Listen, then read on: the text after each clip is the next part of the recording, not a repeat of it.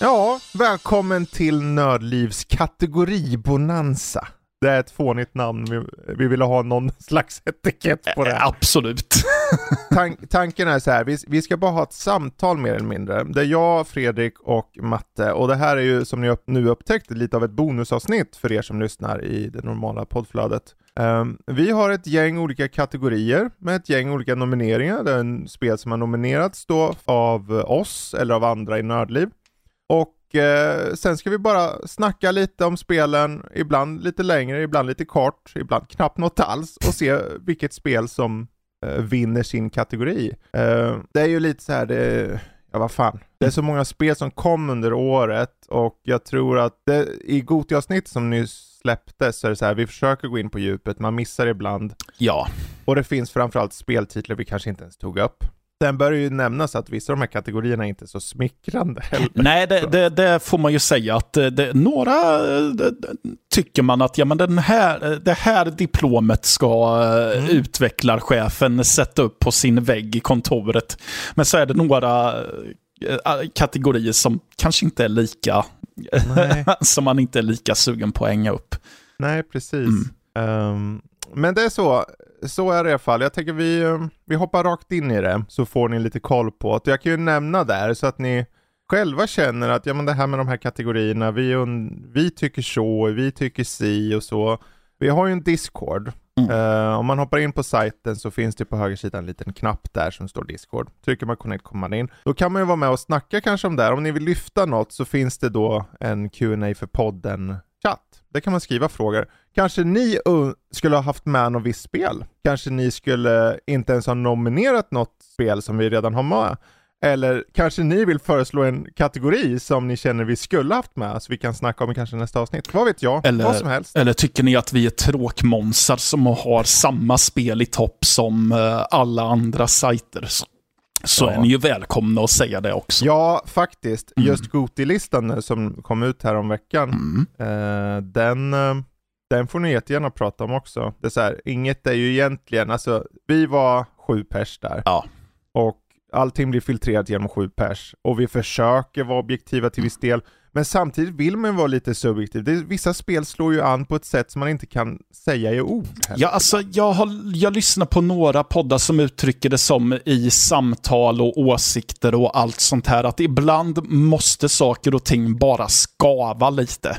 Mm. Oavsett om det är objektivt eller inte, bara för att det liksom inte, att inte diskussionen ska stagnera så kanske man måste kasta in något subjektivt bara för att hålla det vid liv mm. och för att eh, verkligen hjälpa till och stärka argumenten för varför spel X placeras på position Y och så vidare. Precis. Mm.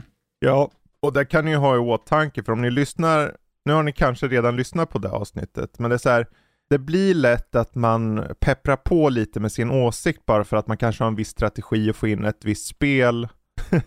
att ett visst spel ska komma vidare, man kanske sådär. Men samtidigt så finns det också tillfällen man genuint säger om det här är vad jag känner. Eh, och då kanske fokusera på den positiva sidan. Eh, inget spel är ju liksom fulländat. Mm. Som Elden Ring då framförallt har ju saker som jag personligen känner har minus. Ja. Men när allt snack, i, exempelvis i Goti-avsnittet, så när mycket snack blev från vissa så här, om det här tycker jag är mindre bra, det här och så, då vill jag ju bara lyfta det positiva, men jag har negativt också. Mm. Men det är också därför då vi har de här kategorierna, om vi ska gå tillbaka till ämnet. Eh, vi har då första kategorin här, vi hoppar rakt in i det. Uh, och kategorin är så underbart detaljerad och uh, väldigt tydlig då. Den mm. heter Bästa spelet vi först trodde skulle vara dåligt, men som visade sig vara okej, okay, bra eller fantastiskt. ja, det är ju en väldigt godtycklig titel på den kategorin. Ja, och det är så. Det, det är så här avsnittet kommer att vara. Vi kommer att ja. ha lite kul här. Mm. Vi har eh, nominerade och vi ska bestämma nu i eh, live, typ, eller vad man kallar det. Vi spelar, inspelar en stund. Ja. eh, om någon av följande är vinnare av kategorin. Vampire Survivors, Need for Speed Unbound, Sonic Frontiers, Decision Red Days, det är extra poäng för er som vet vad det är. Signalis, Live Alive, Rollerdrome, Saints Row och Call of Duty Modern Warfare 2. Ja. Och jag tänker så här, du kan förnula lite på något spel du kan, kanske känner först inte når så långt att det blir vinnare i kategorin. Men jag kan fylla i med just varför de här valda, än en gång, bästa spelet vi först trodde skulle vara dåligt men sen visade sig okej. Okay. Man går ju många gånger in lite med förutfattade meningar, för om vi ska vara helt mm. ärliga, många av er som lyssnar bara Call of Duty, really? ja. Sonic Frontiers, mm. är, det så, är det bästa spel vi trodde skulle vara dåligt? Mm. Ja, det är ju inte att det är bäst, det är bara att det är inte det är inte sämst, det är bara att det är bättre än sämst. Ja, jo, precis. Potentiellt. Mm. Vissa av de här tycker jag faktiskt är genuint jättebra spel. Mm. Men vid första anblick så tror man ibland, man får ju en förutfattad mening. Ja. Uh, skulle jag nämna ett som skulle Ja. strykas möjligen? Ja, Ja. precis. Jag, jag funderar faktiskt på eh, Modern Warfare 2. Mm, För visst, eh, säga vad man vill om COD och så, men eh, precis. det är också, vi pratade om det off mic igår kväll, att man, även om man är skeptisk mot COD så vet man ju att de har ju ändå en ganska hög lägstanivå i alla fall. Absolut. Så. Eh, enda gången som man inte pratar så jättebra om, om det, det är ju för att det, det har ju också en lökighetsfaktor Mm, sett till story. exakt. Men... Och sen också, jag menar sett till vad kategorin säger, det är ju så att det bästa spelet vi först trodde skulle vara dåligt, alltså ett, ett spel som ska vara dåligt, som vi tror är genuint dåligt, men visar sig vara riktigt bra. Mm. Och det är så här, Call of Duty är ett spel som vi tror är halvdant, men som visar sig vara okej. Mm. Det är inte fantastiskt. Och därmed, det, det platsar här, Mm. men det, det, jag håller med, det går inte vidare. Mm. Så att, eh, och jag skulle säga lika så om Saints Row. Ja. Eh, faktiskt. För Saints Row var ett sånt där spel som blev såhär, om alla bara, alltså det här är ju skitdåligt. Men alltså det är ju inte att det är skitdåligt, det är ju precis vad det säger att det vill vara. Det är over the top action med idiotkaraktärer som gör dumma grejer och säger dumma saker. ja. Och så, så går runt, folk runt så här. det här trodde inte jag att det skulle vara. Det här är inte som det var förr. Ja, det är lite poängen. Ja. eh, det, Det, det är inte ett dåligt spel, det är lite oinspirerat, lite halvtråkigt ibland. Mm. För att bli lite same same men det är inte dåligt dåligt. nej. Men det är inte bra nog för att vinna kategorin. Det är det ju inte heller. Nej, det tycker jag inte. Nej. Bort med den. Bort med dem. Ja. Yes. Eh, Men ska det fortsätta strykas eller? Ja då. Jaha, Ja, okej. om du, absolut. Alltså vi gör väl vad vi vill här. Om du vill säga en som du känner ska nomineras till att vinna kategorin så säg det annars. Men Ja. ja, Ja. jag kan ju säga, Ja. ja, fortsätt du. Eh, Jag, jag, jag sitter, har bara suttit och försökt att komma ihåg vilket Decision Red Mm. Days är, för jag vet ju Ah, Jag, jag vet ju att det är ett spel som släpptes i år. Eh, ja. dels för att det är nominerat till en kategori som är kopplad till 2022. Men Mm. för att jag tror att det också var det som jag frågade någon om den kunde täcka. Eller något sånt. Det var jag som täckte Ja, just det. Jag tror att jag var delaktig med att skicka ut kod. Mm. Så jag vet, men jag har glömt bort vad det är för något. Ja, alltså det är ett slags action-RPG så top-down liknande. Just Tänk dig det. lite Wasteland-liknande. Mm. Och det är, det är ju verkligen Wasteland, det är så här ökenvärld liksom. Och samtidigt så har du fört in survival och tower defense-mekaniker i det. Ja, jag kom på vad det var nu. Ja, Mm. och det, är så här, det var ett spel när jag tog mig an det, tänkte ja, så det har ju Tower Defense, och jag, ska, jag vet det är lite så här, lite tråkigt kanske med Tower Defense för många, men jag, jag har alltid gillat idén. Nu är det inte den typen av Tower Defense, utan att du hittar baser ibland med dina små gubbar va, Mm. och sen ska du välja att, ja men det här får bli en, jag tar över den, och sen så bygger du upp lite eh, turrets och grejer, och så, man, då måste du lämna gubbar där som sköter dem. Mm. Så. Men eh, som spel, det var ett ett okej spel. Eh, men om man tittar på det, för dess grafik ser väldigt ålderdomligt ut, så, så blir det lätt att man får den där förutfattade meningen att det här kan inte vara någonting. Det här ser ut som ett spel från 1998. Ja. Men jag satt där och hade faktiskt kul i ett gäng, ett antal timmar. Mm. Man levlar gubbar, man utforskar, man hittar nya survivors, du utökar ditt camp, du bygger upp ditt camp, du utforskar mer områden och på den vägen. Så att, eh, men det, det är definitivt värt att stryka dock. Det är ju inte, Ja, okej. det är ju inte att det liksom når det, det bästa av de här. Nej. Jag sitter faktiskt och är lite och funderar på om jag kanske till och med har kommit fram till att jag har en nominering som vinnare för mig. Mm. Eh, Även om det är lite, ja. Det, det, det, det är Ja, lite, får, du får säga det, får vi se om vi kommer det- överens här. för vi ska ju välja en för nördliv nu. Ja, men precis. Det, är Ja. lite tight mellan, eh, för mig i alla fall, tre eh, titlar. Ja. Men den som jag lutar mest åt för att det var en av de, eh, på, för mig var det en av de största överraskningarna i året.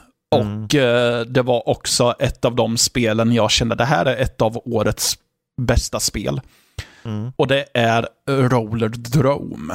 Mm. Och det var inte att jag, fast å andra sidan, det var inte att jag satt och tänkte att det här kommer vara skit när jag fick spelet tilldelat mig. Utan det var mer, ja men, vad va, va, vad är det här? Jag visste att det var rullskridskor och eh, skjutvapen. Och tänkte, Ja, ja men det, det är typ roller derby fast man skjuter sina motståndare istället för att tackla dem. Jag menar, bara när du säger det så tänker folk där ute, ja men det där låter ju skit. Ja, men sen... Men det var det inte. Ja, exakt. Och ljuset börjar gå upp för mig lite eh, i de, deras väldigt konkreta tutorial. Som introducerar mekanikerna successivt och sen eh, bara kastar ut den på banan. Mm. Och sen så inser jag ju hur... Det är ju... eh, det- ska ju tilläggas att spelet är ju frustrerande i sin utmaning för att det blir ju tämligen kaotiskt med alla Mm. Fiender och projektiler man måste akta sig för. Men jag kommer också på mig själv att det finns... Ja, det är frustrerande, men jag har också en kämparglöd i mig. Att jag, jag ska vidare. Och det var då det gick upp för mig att men det här spelet är ju faktiskt riktigt, riktigt bra. Precis. Mm. Och jag tror det är precis den responsen som vi ha, hade där med att det ser ut att vara ytterligare sån, det är, jag vet inte vad det här är riktigt, det ser så fånigt ut Mm. och så. Att, att folk har, att man, många får den, för jag skulle säga att det är för mig personligt, det, vi har, vi kan ju riva av bort några här för Mm. att Live Alive, sött litet antologi JRPG, Ja. en remake. Det är nice. Jag, tror jag, jag vet att många andra skulle inte ha lagt den i den här genren, bästa spel vi trodde skulle vara asdål eller dåligt, för att många visste att det var bra. Men jag hade aldrig kört det. Men just för att många visste att det var bra så tänker jag vi stryker det. Signalis, en sån där spel som, som jag tror inte många pratat om, den här survival horror, eh, Ja. lite top-down med väldigt hård atmosfär. Exakt, jag har sett väldigt specifika, jag har sett några streamers köra det, men de är insnöade antingen helt och hållet på eh, skräck, så att, de är, så att de till och med kallar sig för horror streamers. Eller så, ja, Okej. ja, eller så är de helt enkelt bara eh, inne på lite mer retro-grejer. Mm, mm. Ja, för Så. det har ju den här retro, polygon, pixelerade looken. Mm. Det har det definitivt. Anledningen till, jag tror att det var jag som föreslog att det skulle in. Och Mm. det var ju för att jag själv testade ju inte spelet alls. Nej. För jag tänkte att ja, men det där är något eh, anime-aktigt, trist, eh, JRPG-aktigt i yttre rymden. Det är ju skittrist. Men sen så testade jag ju det hemma hos dig och insåg att ja, men det här är ju något eh, typ eh, Silent Hill eller Resident Evil-aktigt eh, spel. Som definitivt är uppe i min gränd. Mm. Mm. Ja, eh, jag tror att här, när jag såg det tänkte jag, men det här, alltså när vi såg det in action så tänkte jag, Mm. men det här, det här är bra solitt. Mm. Jag skulle inte säga att det är den största överraskningen. Det var så här, jag hade sett lite på förhand. Mm. Så jag förstod att det skulle vara någonting up some people's alleys. Ja. Alice? One alley, many allies. Alice? Nej, jag vet inte. Eh, men jag tror inte den kanske når ända upp för att vinna just bästa spelet vi först trodde var dåligt. Skulle, trodde det skulle vara dåligt, för jag trodde det skulle vara okej. Ja. Typ Okej. så. Ja. Men, eh, men det var kul att ha med dem. Inte Ja, jag är ju väldigt tidigt i spelet också. Jag Mm. är ju väldigt mycket bara i inledningen med. Precis. Mm.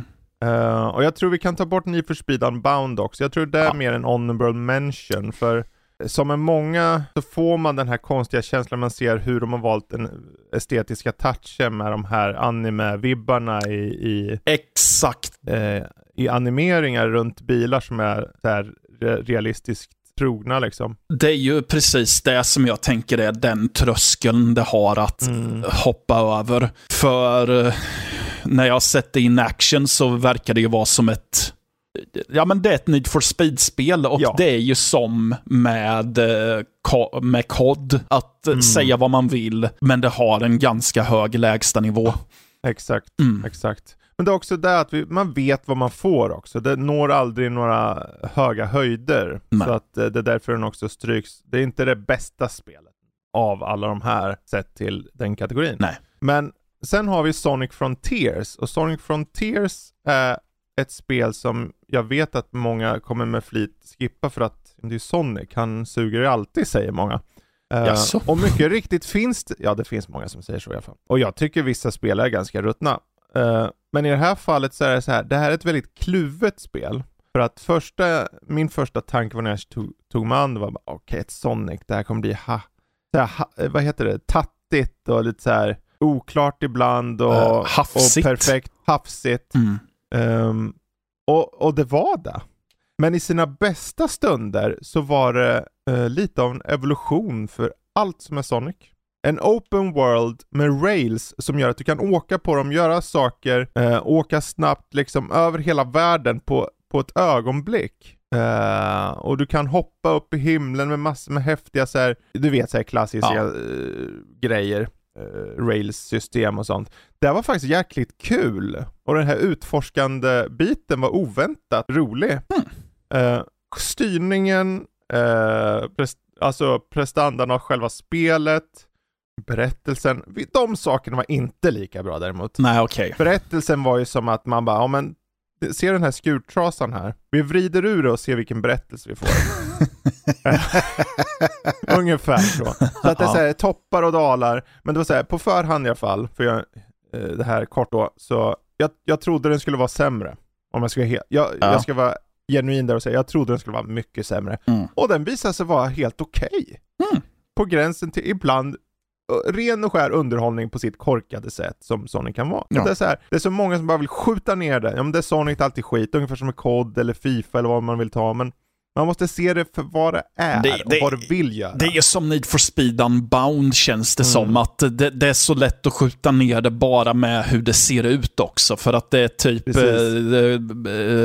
3D-animerad Sonic inslängd i en realistisk miljö. Mm. Det känns ju mm. väldigt krystat. Jo, det gör det. Så är det ju. Uh, men sen när man sitter där bara, alltså det kan vara krystat, men det är lite roligt. Mm. Och i slutändan, om det är spel, då ska det ju vara roligt på något sätt. Väl... Men den når inte ända upp. Mm. Men jag tror här, vad vi har lämnat kvar nu är ju de, för mig, största contendersna. Ja.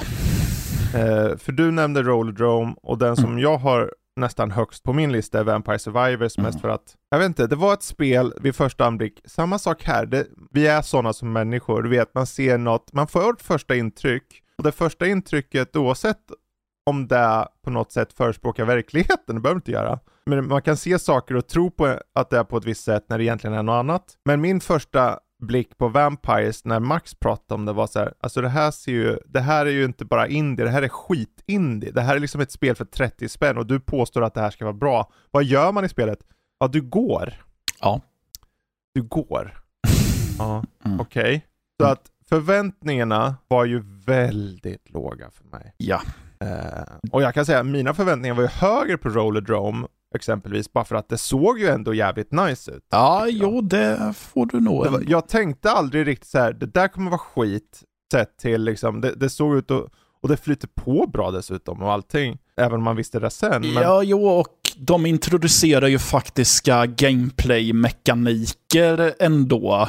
Och etablerar ju också att ja, men det här är varför du ska göra tricks. Mm till exempel. Och att de etablerar det så.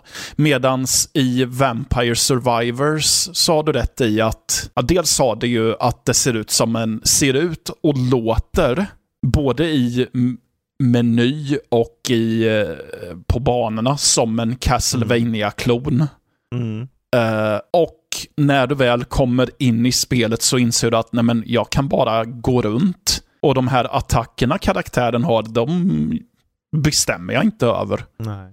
Och sen, ah, ja, jag ger väl det här en liten stund och sen så inser man sen att man har suttit och startat om banan flera gånger om. Precis. Och man inser att det faktiskt finns saker under ytan till spelmekanik. Att du gör olika builds, att du hittar Ja. ett sätt att, att själv välja det i slutändan. Och du låser upp, för det är något som det här spelet gör som man inte trodde först var att det finns så mycket under ytan. Alltså Ja. det är ju enorma mängder. Du låser upp hemliga banor, hemliga Mm. bossar, hemliga figurer. Eh, det är massa metaskämt. Ja. Det, det är så, hade jag aldrig trott. Nej. Men pre- Precis, och det var ju det. Jag sa att det var tre titlar för mig som kämpade Mm. för att vinna. Och det, ett av dem är ju redan strukna, strukna nu. Det var ju Signalis. Ja. Eh, Men de två riktiga som tävlar, det är ju Rollerdrum och Vampire Survivors. För att de Precis. är, de är så otippade på ett sätt. Exakt. Men de har också gemensamt att de är två av eh, 2022 års absolut bästa spel. för mig Ja. också. Precis. Mm. Precis. Ehm, det är svårt så här. Jag, jag, jag, jag tycker jättemycket om båda de här spelen faktiskt. Och Ja. i, på olika dagar tycker jag om det ena spelet över det andra. Mm. Vilket spel, det gäller båda spelen. Så att eh, det är svårt. Men jag skulle säga utifrån kategorin, bästa spelet vi först trodde skulle vara dåligt men visade sig vara okej, bra eller fantastiskt. Ja. Så jag tror, jag, jag tror att, att Vampire slår lite mer bara för att hela den här idén om att det är ett billigt skräpspel. För Rollerdrome såg åtminstone ut, om det här ser kompetent ut, Jo. eh, det ser ut som, och det är ju Private Division som är utgivare, ehm, och utvecklarna i sig, de, de eh, har jag för mig gjort både, jag vet inte om de har gjort mycket, men jag för mig de har gjort Olly Olly World. Jo, det fick jag reda på av Eh. Jesper, att det var samma utvecklare tydligen. Ja, och Olly Mm. Olly-serien har ju på väldigt länge. Och Ja. det är en väldigt satt serie sådär. Men det här lilla... Det är alltså någon nisse i någon jävla hörna som tycker att de ska släppa ett spel som alla ska spela. Och det heter Vampire Survivors. Kom, Det kan inte vara bra. jag kom på under tiden vi pratade nu att eh, Vampire Survivors är nog en mer välförtjänt vinnare för att den ha, jobbade i en mycket brantare uppförsbacke. Så kan det nog vara. Vi Mm. utser den. Ja, Vi säger det. Vi säger att uh, Vampire Survivors är vinnare i kategorin bästa spelet vi först trodde skulle vara dåligt, men som visade sig vara fantastiskt. och, och varje gång man förklarar spelet för någon annan så hör man, så blir man alltid påmind om hur Mm. otippat bra spelet faktiskt är. Precis. Sen är det såklart, det finns alltid de som, det kommer alltid finnas någon som inte det passar för. Vi Ja. hade ju Danny till exempel som, som inte var så mycket för det. Mm. Och det är helt okej liksom. Det är inte för alla, men alla spel är inte för alla. Nej. Eh, utan det finns spel bara som, som i det här fallet tror jag det- är för de flesta Mm. istället. Eh, och någonstans är det väl egentligen där då. Eh, men för att vara vinnare i den här kategorin var det just att man trodde att det skulle vara på ett visst sätt och det visade sig vara helt det tredje bästa spelet på året. Japp.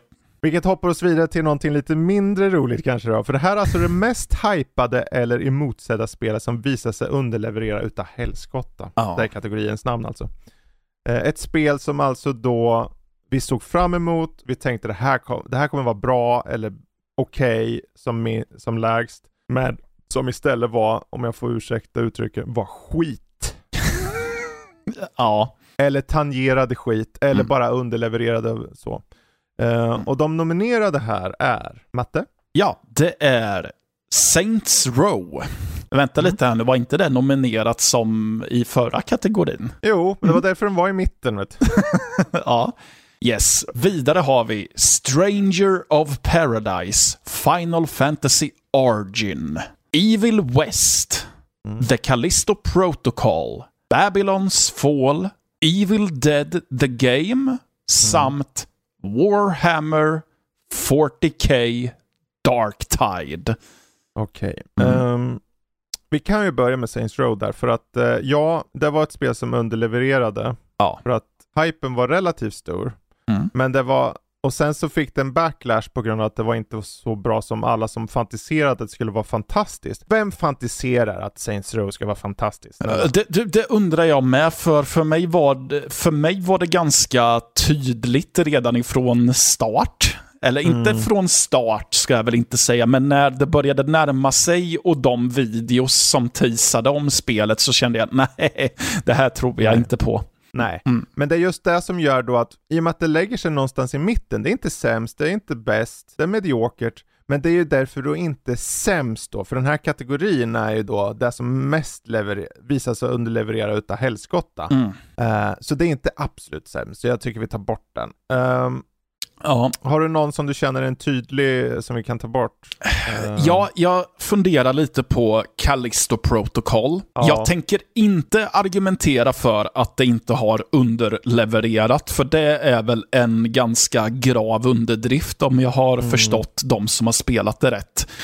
Däremot så tror jag att det hör till en, en tågkrasch utan dess like som gör ja. att Eh, man kommer att komma ihåg det som, ah, mm. kom du ihåg den där meg, det där katastrofspelet som Dead Space-utvecklarna släppte mm. 2022? Jösses Amalia. Ja, ja, grejen jag har hört mycket om, liksom, jag får många källor, många eh, avskyr det, men många tycker jättemycket om det också. Okej. Okay. Eh, för att de tar ett, de gör ju en mili, det är ju mili approach på det. Ja. Du har vapen också, mm. men att det är väldigt sparsmakat. Så att du, du måste vara hand-to-hand combat. Och många har så här, då var aldrig Dead Space. Nej. Nej, och det är lite det som är poängen. Ja. Så många har beklagat sig på Jaha. en sån aspekt för att eh, de såg i sitt huvud att det skulle vara på ett annat sätt när utvecklaren ville ta lite en annan väg. Ja, det har mycket buggar, det har, eh, ja, mycket buggar, det var enormt mycket buggar eh, och prestandaproblem, men det har någonting som jag tror att det kan potentiellt potentiellt bli en No Man's Sky situation här. Att när du låter det gå ett par år, ett halvår, ett år, mm. whatever, och de fixar upp det, så tror jag det finns ett genuint okej okay spel här. Okej, okay, ja. Ja, det blir, det, väl, det blir det, väl också det, som, eh, ja. var inte Witcher 3 så också? Att den, när, i sin, när det först släpptes så mm. Eh, beklagar sig folk över buggar och allt vad det hette. Texturer Exakt. som inte laddade in och sen nu är det ju ett av mångas eh, favoritspel ja. genom tiderna. Oh ja. Sen är det så här, det finns ju många aspekter med det Callisto Protocol man kan ta upp här och vi ska mm. inte gå igenom allting. Då hade vi haft Danny med i så fall. Mm. Men ja, det, det enda är att det är väl, det var ett hypat spel och det underlevererade, men det underlevererade inte lika illa som vissa andra nominerade. Ja, jag. jag. tror att jag också kom på att jag hade lite fel mindset nu, för jag tänkte på en senare kategori, tror jag. Okej. Okay. Ja, ja, om eh, vi har kvar den. Men eh, det, det mm. kommer, mm. jo, det har vi. Så vi, vi, vi återkommer till yes. mitt mindset där. Men eh, mm. jag, jag vill stryka den. Jag tycker den inte den underlevererar, men den, den, är inte värre än vissa andra här. Mm. Um, um, vi kan ta, vad känner du nu? Ja. Om vi river bort ett par stycken bara så vi får det lite ja, kort koncist. Jag sitter och funderar på uh, Fat Sharks Warhammer 40K Darktide. Ja. För ja, jag tycker själv att nej, just nu gör man faktiskt rätt i att avvakta med att köpa mm. spelet för att det, det, är inte stabilt i mm. nuläget. Det tar evigheter att ladda in och eh, jag har till och med hört att det, och jag har själv upplevt själv att det inte är en garanti att du får spela spelet. Nej, jag har precis. hört att några menar på att uh, har du inte en vettig internetuppkoppling så uh, går det inte att spela. Mm. Nej, det är sant. Jag har en hyfsat stabil internetuppkoppling och spelet flyter inte på särskilt Nej. bra i alla fall. Nej, Men jag tror också att det precis som Callisto Protocol är någonting som eh, de goda Skövdeborna eller vad de är i mm. Fat Shark kan åtgärda och göra spelet ja. stabilare längre fram. Och det är lite av en cyberpunk-situation i det att om du sitter med rätt hårdvara mm så kan du vara personen som kommer igenom allt och aldrig har något problem. Ja. Och sitter du på en annan typ av hårdvara så kanske du aldrig kommer in och hatar spelet. Mm. Men på, sitt, på sina premisser utifrån hur det är att spela det så har det inte underlevererat. Nej, Och därför så, så tycker jag vi stryker det också. precis. Precis som du var inne på. Mm. Bra. Eh, det är så här, okej, Strange, vad se, vad har vi Evil Dead the Game. Ja. Ehm, det är ju... Ops, det är inte en rolig kategori att vinna, Det- bör tilläggas. Det, det- är alltså den, det sämsta spelet. är det ju inte. Det underlevererar ju på så sätt att jag konstaterade ganska snabbt när jag körde det, när jag recenserade, att det här spelet kommer inte att leva kvar i online-världen för att eh, de har, eh, för den publiken som, har, som spelar den här typen av spel har redan Dead by Daylight. Mm. Och, och Evil Dead the Game har missat varför eh, Dead by Daylight lever kvar. Och det är för att Dead by Daylight är väldigt enkelt i sitt koncept. Ja, det blir repetitivt och det är just det som är grejen. Och framförallt så håller inte Dead by Daylight-omgångar på i en halvtimme. Nej. Ja, precis. Mm. Eh, Det är en mättad marknad. Det, Ja. det är nog inte, det är som du säger, det, Mm. liksom, det funkar. Ja, det gör det. Eh. Alltså, jag har spelat det med två vänner och det är faktiskt ganska kul Mm. när man spelar tillsammans med någon. Men det är återigen så att jag... Det, det, det är ingen konkurrerande titel och den kommer att falla i glömska, tror jag. Ja. Sen Mm. kan man säga, med tanke på kategorinamnet, mest hypade spel. Ja. Eh, det må vara ett spel som vi, eh, ett gäng Mm. såg fram emot, men det var inte det spel som mest såg fram emot. Nej. För det där spelar ju in i kategorin också. Absolut. Eh, inte att det underlevererar bara, men också att eh, det var ett som såg, man såg fram emot. Ja. Och det gör för oss till Evil West som vi också stryker då, Mm. känner jag. För att Evil West är ett spel som jag tror väldigt få hade koll på. Ja. Så det var ju inte på det sättet ett, ett hypat spel. Eh, alltså ett slags alternativt eh, eh, vilda västern-spel med typ vampyrer och monster och du är tredje person, typ skövlar allt. Problemet med spelet är egentligen att det hade game-breaking-buggar som gjorde att jag inte kunde köra vidare. Eh, det patchades bort, Mm.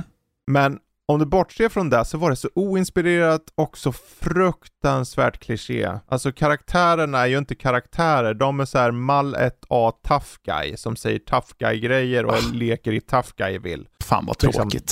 Ja, det, det, det är snortråkigt. Det finns någonting, det finns, det här är varför vi stryker det. Det finns ett uns av underhållning, det är korkat och det vet om att det är korkat. Mm. Det har over the top vapen, liksom, han, gubben du kör har en stor jävla arm som- med så elektrisk arm som man kan liksom använda och slå i marken och skapa eh, vågor och så här.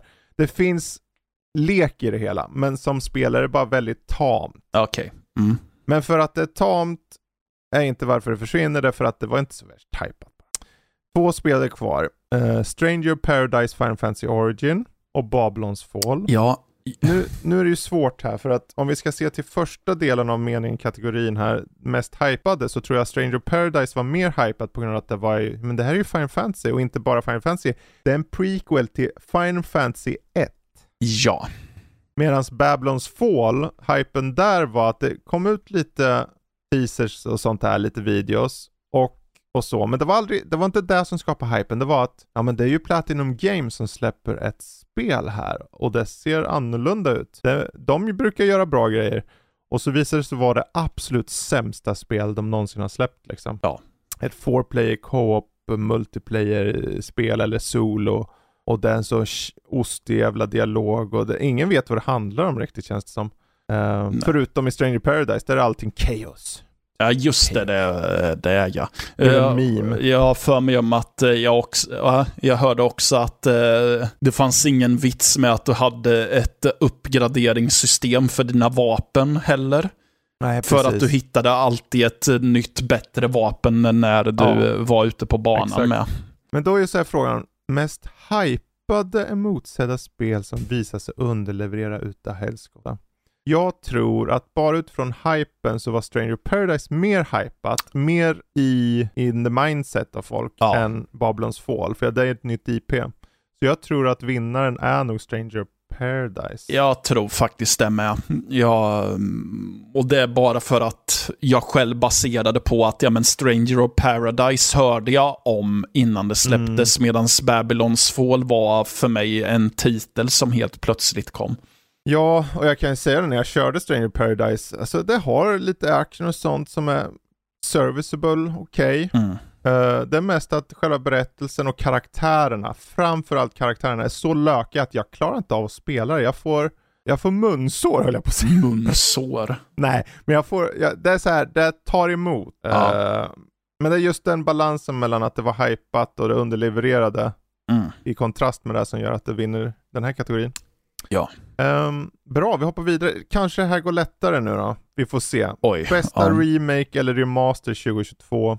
Och de nominerade är The Last of Us Part 1, Klonoa Fantasy Reverie Series, Crisis Core Final Fantasy 7 Reunion, Live Alive, Destroy All Humans 2 Reprobed, The Stanley Parable Ultra Deluxe och Call of Duty Modern Warfare 2. Mm.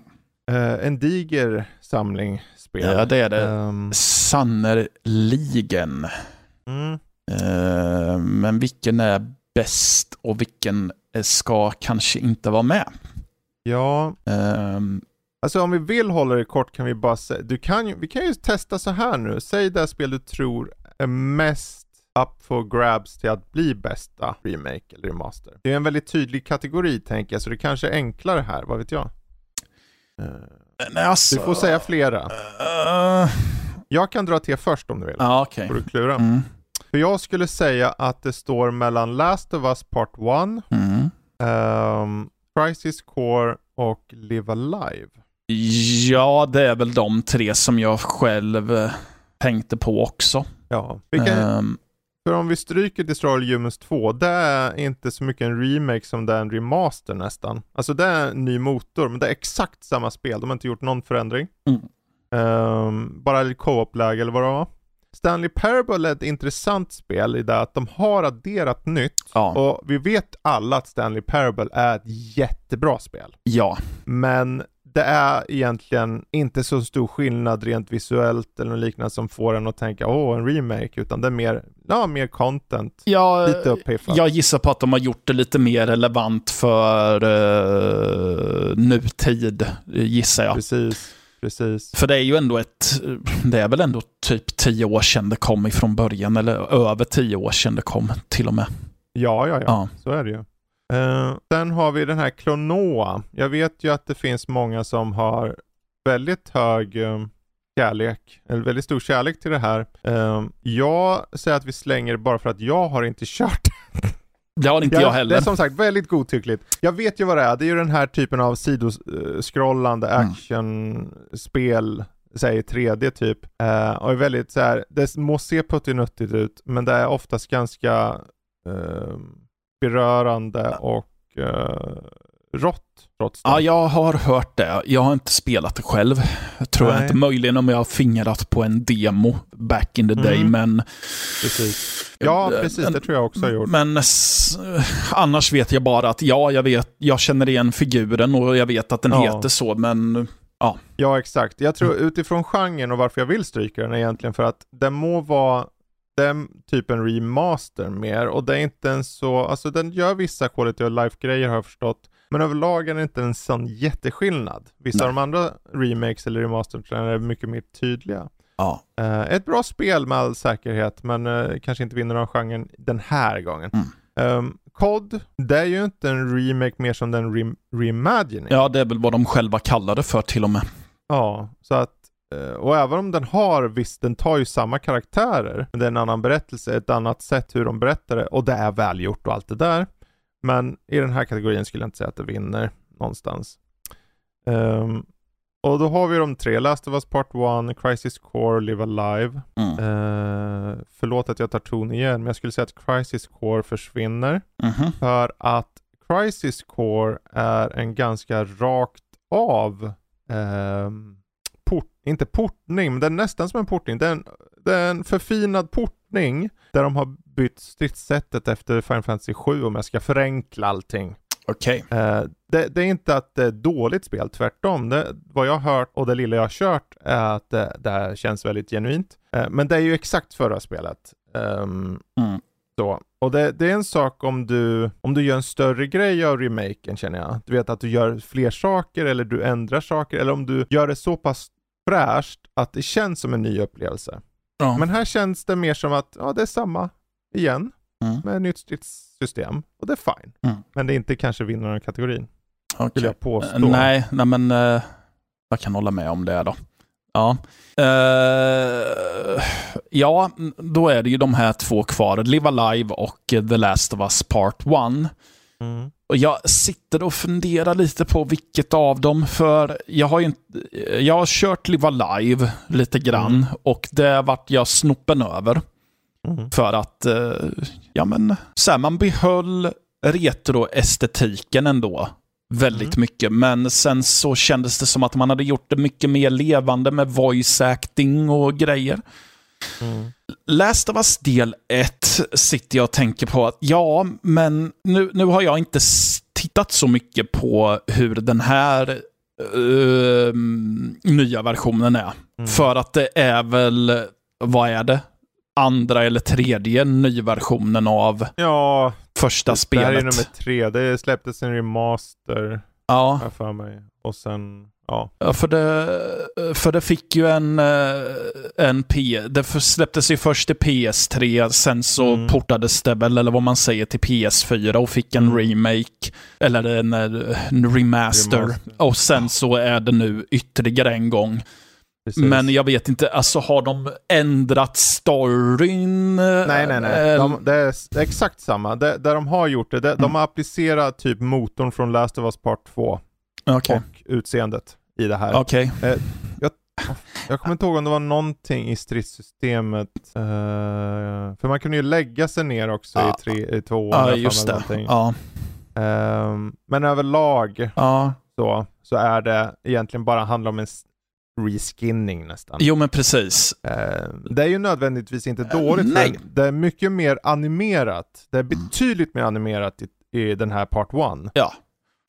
och Och- det, det är bra, men Ja, framförallt är det ju bra för de som inte har eh, spelat spelen Mm. överhuvudtaget.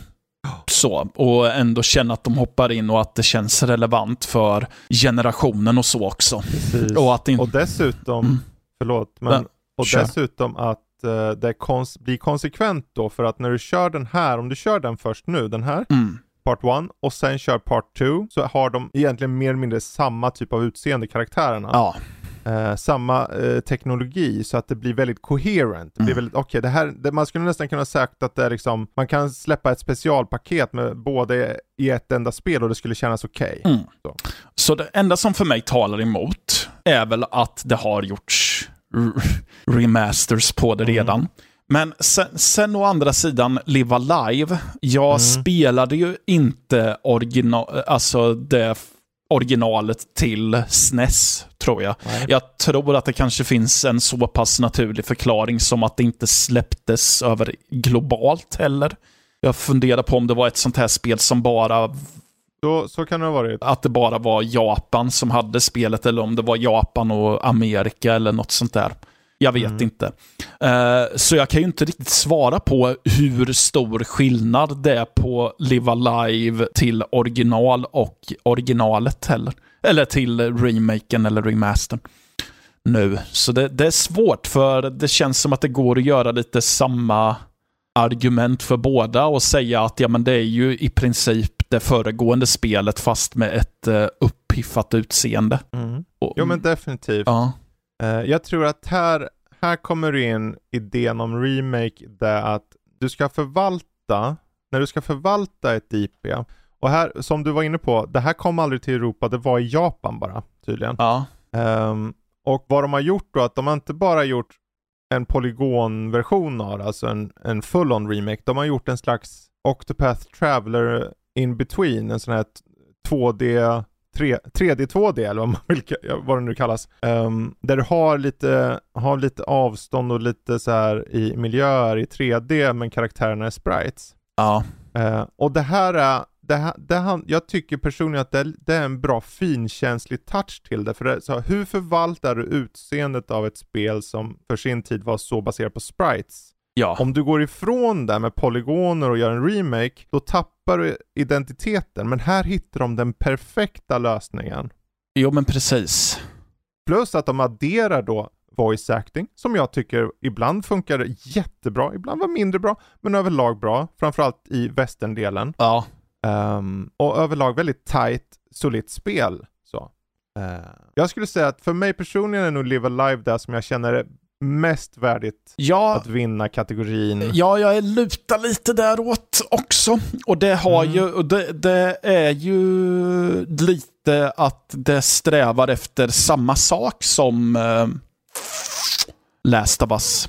Mm. Det vill säga att det vill bli tillgängligt för uh, flera. Precis, uh, men samtidigt inte tumma så mycket på sitt arv, utan bibehålla det i en tid där de lika gärna kunde ha gjort en full-on tredje persons ja, actionäventyr. Precis, det, liksom. det som gör att Live Alive också vinner för mig, ja. det är ju för att, äh, amen, att äh, det blir att det verkligen är tillgängligt nu. För som du sa tidigare så fanns det bara tillgängligt i Japan och det var folk som importerade spel därifrån som fick ta del av det. Uh, och så. Men nu, nu är det släppt globalt för första gången Precis. någonsin, vad jag vet. Medans uh, ja. Last of Us har alltid funnits tillgängligt för vem som då, helst. Förutsatt, då förutsatt ja. då att de har haft en Playstation. Exakt. Mm. Det bör ju till då kommer ju någon där ute säga, men om den aldrig har släppts här kan det ju inte vara en remake. Nej. Den har ju aldrig funnits här. Det är ja. första spelet för oss. Ja, men då säger jag, det är så här, vi får, det är godtyckligt, ja. det är precis som vi väljer att göra. Eh, ja men exakt. Och eh, ja, ja, det, vi vet ju att det är en remake, ni vet att det är en remake. Kom igen, det är en remake. Vi säger att den vinner. Ja. Det är eh, bästa remaken eller remastern 2022. Ja. Eh, och har vi missat något får ni gärna skriva det i någon kommentar på Discord eller något liknande. Mm. Uh, nu vi tar en snabb kategori här, mm -hmm. lite snabbt. Jag mm. river av den själv så får du sitta och lyssna idogt. Uh, bästa spel som oväntat kom att fungera bra i handhållet format. Steam Deck, Switch etc. Och de nominerade är Elden Ring, Vampire Survivors och Rollerdrome. Och Uh, vinnare i den här kategorin är oväntat nog mellan Elden Ring och Rollerdrome, inte Vampire, för Vampire fungerar på en potatis. Det, det är inte oväntat att det fungerar. Det, det, det, är gjort också på sätt och vis. Det finns till mobil. Ja, exakt, jag också. skulle ju säga det. Det har ju släppts till mobil nu. Precis. Mm. Uh, Rollerdrome, tycker visst är Rollerdrome stilistiskt och faktiskt snyggt. Ja. Uh, och Eh, jag har varit väldigt förvånad över att jag kunde köra det i, i, i fasta 60 FPS på handhållet, ja. konstant. Det flyter på jättebra, ser bra ut. Det funkar otroligt bra på uh, Steam Deck. Mm. För jag har ju testat det på Steam Deck. Ja, det gjorde du ja, just det ja. Första gången jag ja. höll en så fick jag testa Rollerdrome och eh, ja, konstatera att det här är ju som att jag sitter hemma vid min ja. så det är en Playstation. Contender. Eh, men Elden Ring är också en contender för att Elden Ring, trot eller ej, så gick Valve ut själva med en patch som gjorde att de här problemen som PC-versionen hade på, på Steam, för oss andra PC-användare, de kringgicks. Så att den upplevelsen på i Steam Deck när jag körde bara, okej okay, det är inget stutters här alls, som var väldigt känt mm. för PC-versionen. Det är faktiskt, och det flöt på i Stadia 30, det är 30 FPS, men det funkar och man kunde köra utan problem. Jag vart jätteförvånad. Det är ju spännande att en av de sta stabilaste upplevelserna med Elden Ring var eh, handhållet. Mm. Det låter... Den, absolut, ja. sure, det fanns buggar lite här och var. Så vet när en gubbe står som ett T-kors eller vad fan som helst. Men överlag så var det det. Så att av de här då, för att göra processen kort, skulle jag säga att Elden Ring vinner kategorin bara för att det är ett sånt oväntat spel. Rollerdrome är skönt att det funkar, men jag kunde förstå det för det har ett väldigt stilistiskt och lite mer stramt utseende. Mm. Eh, på vissa plan. Eh, även om jag personligen tycker det är väldigt snyggt.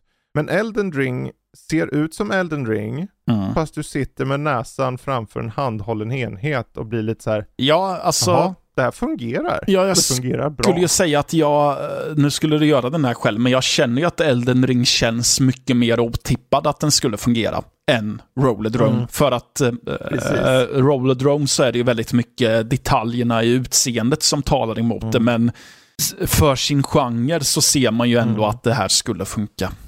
Precis. Mm. Men där har vi det. Elden Ring vinner bästa spel som oväntat kommer att fungera bra i handhållet format.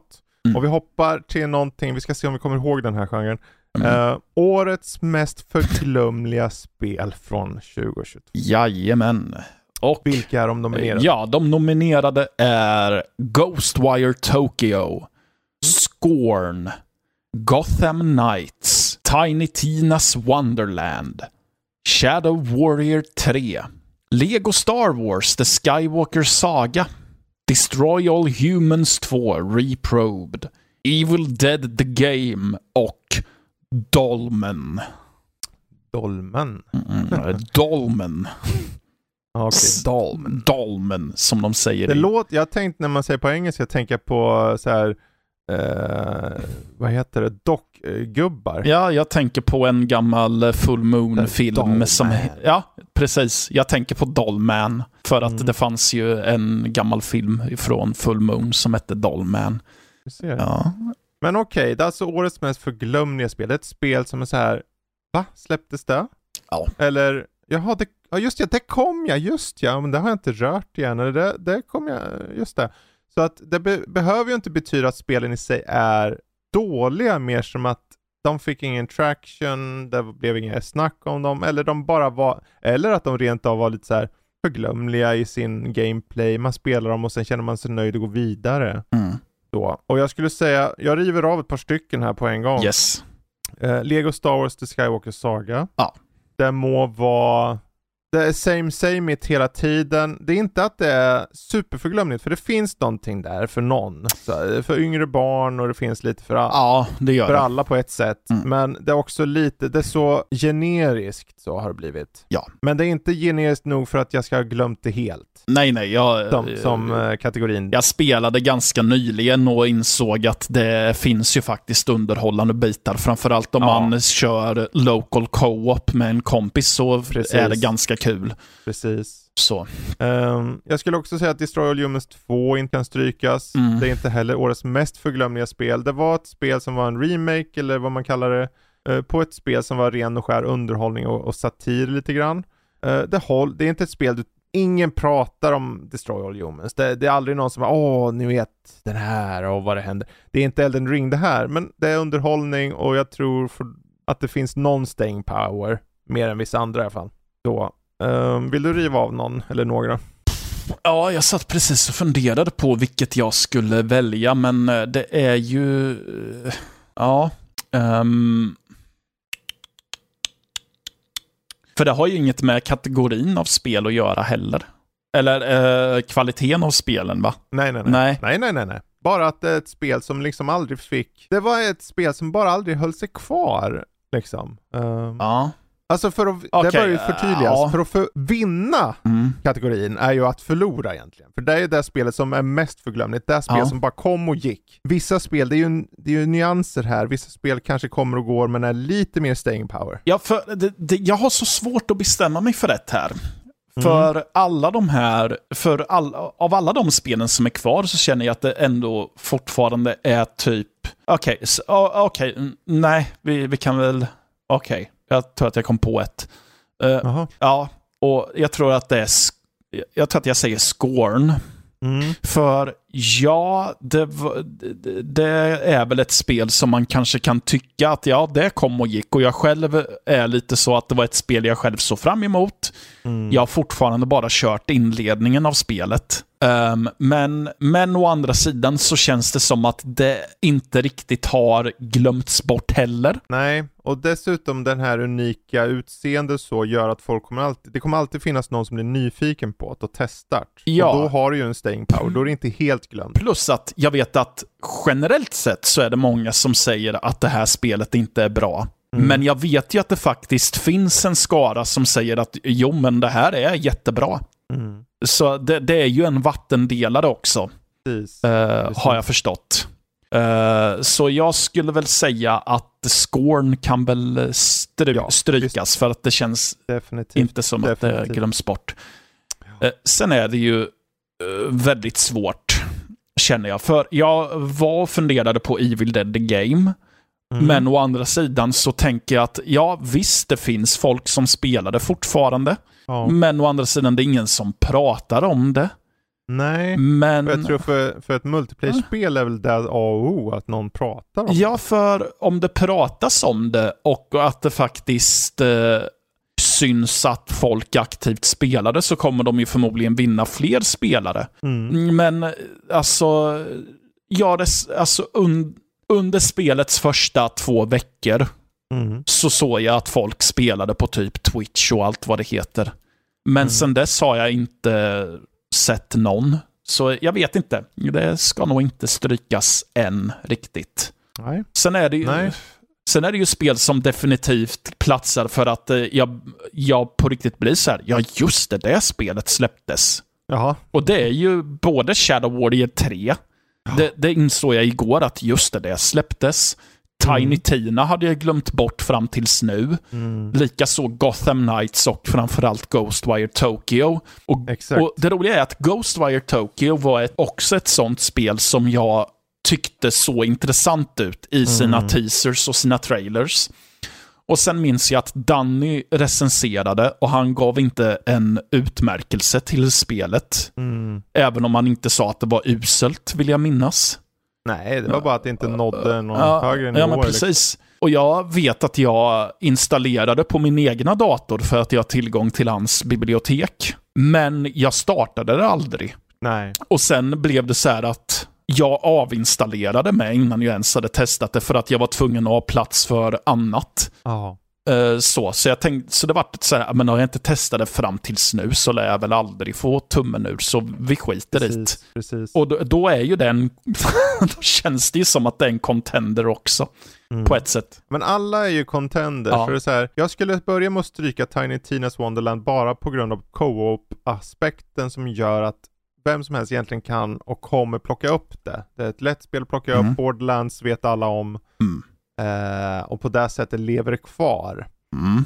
Ehm, Det är Ja. väl det jag kan säga på rak arm av de här. Ja, j- jag är ju inget fan av Borderlands överhuvudtaget, men och då betyder det att då, när jag inte är intresserad av saker så håller jag mig inte så ajour kring hur snacket går, så jag vet ju inte hur det har mottagits av Borderlands fantaster riktigt. Ja, det har mottagits helt okej faktiskt. Ja. Ehm, eh, och jag tror att, eh, jag menar, jag undrar om inte till och med fick eh, en utmärkelse från oss. Alltså det är ju mest, bara att ta Steam då, mestadels positiva, Ja. över 6000 recensioner. Ja. Så att det, det, det ger ju, det är mest att det ger ju mer av samma vara så. Mm. Men jag skulle inte säga att det är årets mest förglömliga. Det finns en staying power där på grund av arvet. Ja. Jag tänker vi stryker den. Um, jag sk- ja du, svårt. Ja. Ghostwire Tokyo, Gotham Knights, Shadow Warrior 3. Så Shadow Warrior 3, jag skulle stryka den bara för att det är ju redan från start en nischad titel. Eh, men de som kan titeln, de är intresserade och de fortsätter nog vara intresserade. Jo, det gör de nog. Eh, så jag skulle stryka den. Ja. Ja. Eh, nu ska vi se, det här är svårt. Dolmen kan nu bara du prata om. Ja, det är ju... Det var ju... Det var Dra ju... upp dolmen nu då. Ja, ja, jag gör det. Ja. Nej, men det var ju en... Det var ju en snackis när det skulle släppas. Ja. Och det var, men för, jag tror att det bara var lite en snackis i Sverige på grund av eh, att vi tycker att eh, ordet dolmen är kul för att vi får andra associationer eh, till det. Eh, men vad spelet är, det är en souls-like i yttre rymden med lite jag tror att man hade lite skjutvapen och grejer också. Mm. Eh, som är ganska slätstruken och generisk Mm. egentligen och har inte en så hög utmaningsnivå. Jag själv är ju inte jätteflink på Souls-like spel, så för mig var det ju svårt på sina ställen som så. Men jag vet ju att många inbitna Souls-like spelare sa att nej men alltså det, det här är ju... För att när du säger att någonting är ett Souls-like, då förväntar du ju dig en viss typ av utmaning. Och jag tror att det hörde till backlashen lite, att det var, näst, att det var för sin genre så var det nästan för lätt för många. Ah. Okay. Till och med. Att uh, utmaningen fanns inte ens där och det var väldigt, det var en väldigt trist värld så här och intetsägande värld att sätta in sig i. Jag gav det i och för sig en utmärkelse i form av bra köp. Mm, om jag minns rätt. Mm. För att jag ändå tyckte att, ja men vadå, tycker du om genren så mm. kan du väl uh, uppskatta det här som en, nästan som en vattenrensare för att ifrån Elden Ring att ja, men kör det här som inte är riktigt lika svårt.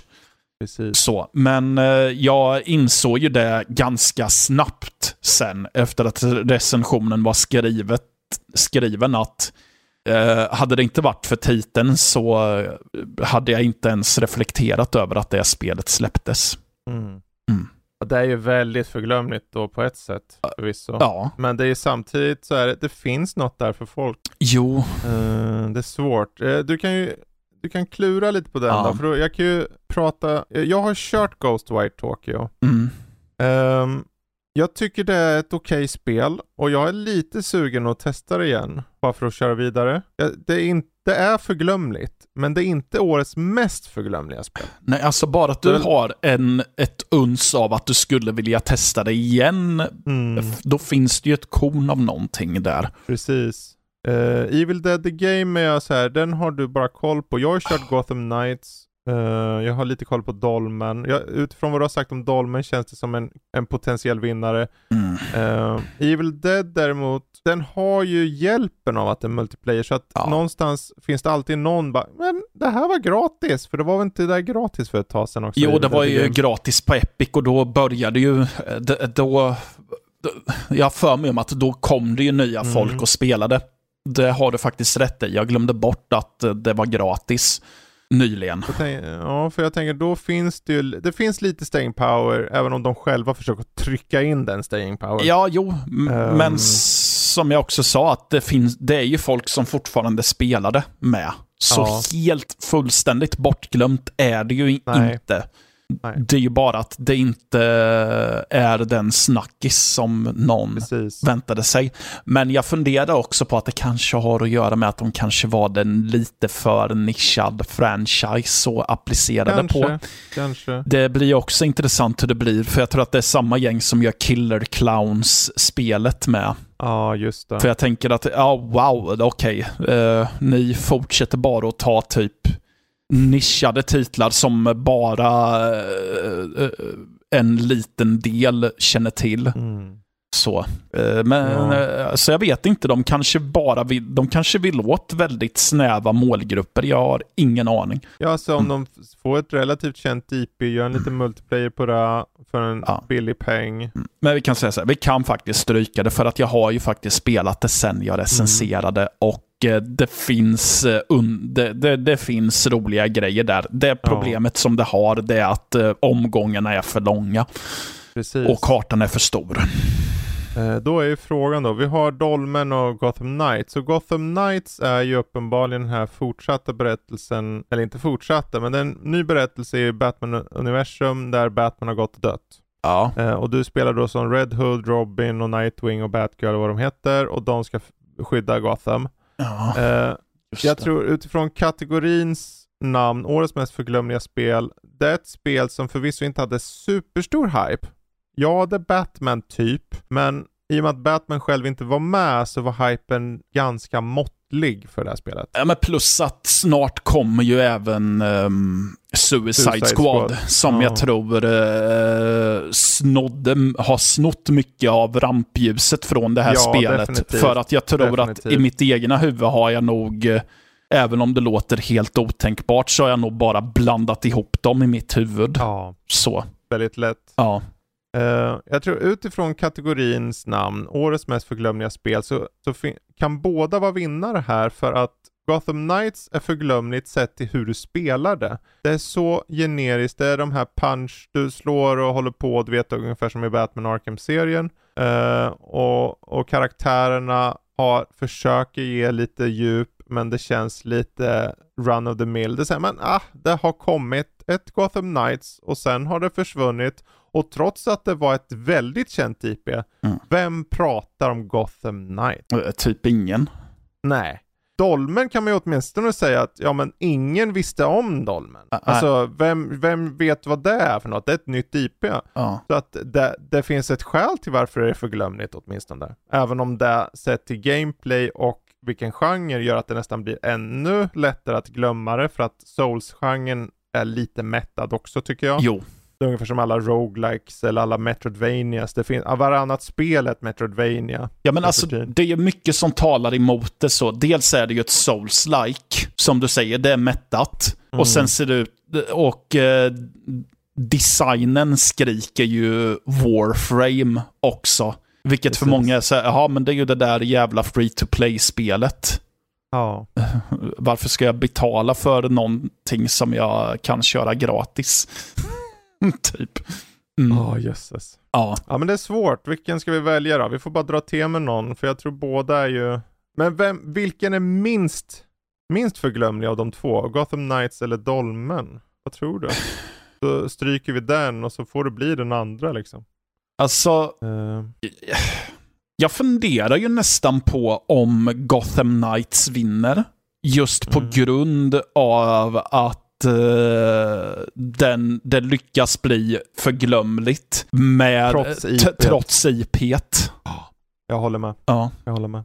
Det är ju så. Det ska ju vara... Mm. Det är ju få typ kända licenser som borde ge en väldigt bra publik. Mm. Som Batman eller det universumet. Mm. Och trots det, det är inte att jag, jag sitter inte här med några siffror, det är inte att det behöver nödvändigtvis ha sålt dåligt. Nej. Men det är definitivt inte en sån snackis som jag tror att de trodde det skulle vara. Nej. Och jag tror det är just därför att trots bara någon månad sen är det. Ja. Det finns inget, ingen liksom mindset här över, eh, ingen har det i huvudet Gotham Knights och därför får det bli årets mest förglömliga spel. Ja, Alltså, och det är ju också, 2022. det syns ju att de, verkligen har kastat pengar på titeln också. mm. också. Vilket också gör det, ja. Sen var, bör ju tilläggas, det, var- det var ju lite så här, det fick ju lite dålig respons i det att på konsoler så släpptes det, trots sitt utseende som må se okej ut, men det ser sämre ut än Go, eh, Gotham, så ja, vad heter det, Arkham Knight, som kom för ett herrans massa år sedan. Jaha, okej. Ehm, ja. Och är ändå låst på 30 FPS på konsoler. Så att, eh, det var så här, ja det Mm. var så här, men varför, hur kan det se, alltså det är inte, det är inte ett fult spel, det är bara att det är så här underwhelming i jämförelse mot Go- eh, Arkham Knight. Ja, jag gick på Google screenshots. Ja. Men okej, Ja. där har vi den. Mm. Nu kommer vi till en intressant kategori här. Wow, ja. Vi, se, vi försöker göra en relativt snabbt Okej. då, får vi Mm. se om det går. Mm, Eh, årets sämsta spel, alla kategorier. mm. Alla 2022 då. Ja. Eh, och de nominerade är Ragnorium, Postal 4 No Regrets, Stranger of Paradise, Final Fantasy Origin, Saints Row, Citizen Sleeper, Xenoblade Chronicles 3, Power Wash Simulator och Lovecraft Untold Stories. Som sagt, eh, det är ju många, många nördlivare som varit med och skrivit in här. Så ja. att, Mm. ehm, det behöver inte vara oss två som har skrivit in det Nej, men eh, vi, bruk, vi har ju börjat med att vi stryker spel. Och jag vill väl säga att vi kan väl stryka Powerwash. Ja, Eh, för att det är inte sämsta. det är inte sämsta, det är bara att det tilltalar en väldigt snäv publik. Ja, och, och även för de som inte tillhör publiken så Mm. skulle inte, jag tror inte de skulle säga att det är dåligt per se, alltså som spel. Nej. Det är ju i sin kategori ett okej spel. Ja, Att säga att det är sämsta spel, det ska vara att det är genuint dåligt gjort tycker jag. ja det tycker jag inte att det är. Nej. Eh, så. Eh, och, och jag tycker att Xenoblade Chronicles 3, Mm. ja det är, det är inte riktigt min typ av spel och det har mycket som eh, jag inte tycker om med det, men det Mm. gör också otroligt mycket bra och jag ser ju att det ändå för försöker göra något nytt för sin genre ändå. Precis. Mm. Och det bör tilläggas, som sagt, det är många olika här i Nördliv som har skrivit in och alla har vi olika smak. Ja. Men eh, om man ska backa ett par steg och kolla på spelet, Mm. det är ju en ambitiöst spel som faktiskt levererar. Det är tvärtom, det är en av det här årets bättre spel skulle jag snarare säga egentligen. Mm. Men vi är alla olika. ja. Och eh, sen vet jag inte riktigt. Eh, för Six and Sleeper, ja, jag själv blir väldigt uttråkad av det. Men det är ju för Mm. att det verkligen inte är min typ av spel. Nej. Men jag, Men det, det tillhör den här visual novel-genren Ja. på något sätt som, som ändå vet vad det vill vara. Och i den genren Mm. så är det istället, istället för att ha puttinuttiga animefigurer så är det in space och det är lite så här eh, ödesmättat och lite så här du spelar som en AI-person eller något. ja. Det är unikt åtminstone. Jag tycker det är definitivt inte ett av år, det årets bästa, Ja, sämsta spel. Ja, precis. Det, det målar upp en intressant värld, tycker Ja. jag ändå. Så det, det finns något typ av... Om jag sitter Ja. och somnar när jag försöker inom situationstecken spela spelet, Ja, ja, det kanske sker. Mm, Men jag tycker det finns andra spel här som är, är värre. Uh, Saints Row kan vi också stryka tycker jag. Ja. Det är samma sak, för, det är ett mediokert spel. Det är inte ett uruselt, det är inte ett bra, Mm. eh, men det är inte sämst. ja. Samma med Stranger Paradise. Ja, det pratade vi om förut och då tänkte jag Ja. att det, det låter som att det finns lite väl mycket kvaliteter där. Ja, Mm. det har något och det är, så här, det är så campy ibland att man tänker att ja, men nu, nu, blir det bara, nu blir det bara komik av det här. Mm. Eh, huvudkaraktären Chaos, Chaos, eh, Chaos hit och dit. Det är nästan så att det går runt i cirkel och blir underhållande. Så att jag tycker det inte är hemma så långt ner som det sämsta. Eh, vad har vi kvar nu? Lovecraft Untold Stories 2, Ja. Postal 4 och Ragnorium. Mm. Ja, jag tror ju att vi båda två har skrivit in de eh, sämsta spelen vi recenserade i år här. Jag kommer ihåg att du recenserade Ragnorium och eh, du skred inte med orden då. Har jag för mig. Nej, Det, var nog, det var nog en av de få spel som jag varit så här. nu skiter jag i vem som läser det här. Ja. Typ så. Eh, jag brukar vilja, för mig är det så här, jag, jag önskar jag vore en bättre ordsmed. Så att Mm. kunna vara den där som pikar. Men när jag, när jag väl skriver, då vill jag vara bara rakt på sak och säga det här är skit. Ja. Och Ragnorium, Mm. det är ren smörja. Det är så här, det finns smörja som är bra i jämförelse mot Ragnorium. Ja. Och för mig är det ju Lovecraft Untold Stories 2. Mm. Och för mig är det ju för att det, det, det var så mycket som jag inte fattade med spelet. För att det för sig som... Det, det känns som att de har designat, de har designat ett eh, lite så här, vad säger man, Wasteland-aktigt spel. Eller som ett spel som kom för några år sedan, eh, Stygian. Ja, att de, precis. det känns som att det ska vara peka-klicka interface och då också i strider att det är peka-klicka eh, eller att det är turbaserat. Mm. Men här har de gjort, de har designat ett, eh, ett sånt spel. Men sen valt att göra ett action-RPG av det istället. Vilket gör att det är ju fruktansvärt att hantera rent kontrollmässigt. För att Mm. de försöker, det, det är som att spela en stel Twin Stick med märkligt kontrollschema. Eh, och det är stelt och långsamt, men, men fienderna beter sig som att ja, men det här är ju ett högtempo actionspel. Ja, Ja. Det, det, det, det är så här, det, det svåra med den här kategorin är Mm. att man vill ju hata allting. Som ja. att jag, jag behöver inte ens gå in på själva spelmekaniken på Ragnorium för att bli förbannad, för att Nej. spelet har inget sparsystem. Så att du låser sparfilen, det kan du göra, ja. men för att ladda en sparfil måste du gå ur spelet. Men, men vad fan. Måste gå, för det finns ingen load-knapp. Oh. Så du måste gå ur och gå in igen. Och det, är alltså, det här Ja. är den mildaste grejen. Spelsystemet i sig, det är så själadödande korkat. Mm. Att du ska, du ska liksom, okej du har en planet, Mm. Du åker över planeten med någon farkost och sen ska du droppa ett par kolonisatörgubbar som är kloner. Ja. De här klonerna, då är det crafting survival nu. Men inget i spelet berättar om hur du gör och när de väl berättar något så är det så jävla dåligt skrivet så att man fattar nästan mindre. Ja. Och spelmekaniken, du bygger ett hus, du vet ju hela grejen. Du bygger ett hus, du fäller ett träd, du dödar en get, Mm. Träffar på ett gäng mutanter som hugger ihjäl dig på eh, första anblick Ja. och du börjar om. Mm. Och då måste du börja om hela spelet. Gud. Ja, det, det, det har... Bland annat. Ja, okej. Ja, det här... Och ibland fuckar du ur Ja. och då börjar du om med en annan karaktär. Mm.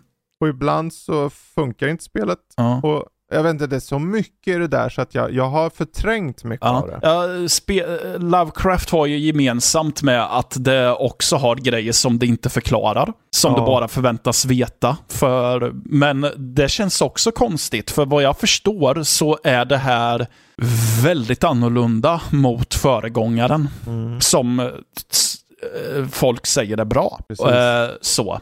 Men eh, däremot, ja, du kan spara spelet, så det är ju inget issue. Det Mm. märkligaste problemet som jag varit förbannad på dock i början, när jag började, Mm. för, för er som är vana Steam-användare, så vet ni att eh, F12 på tangentbordet är default för att ta screenshots i Steams applikation. Mm. Mm.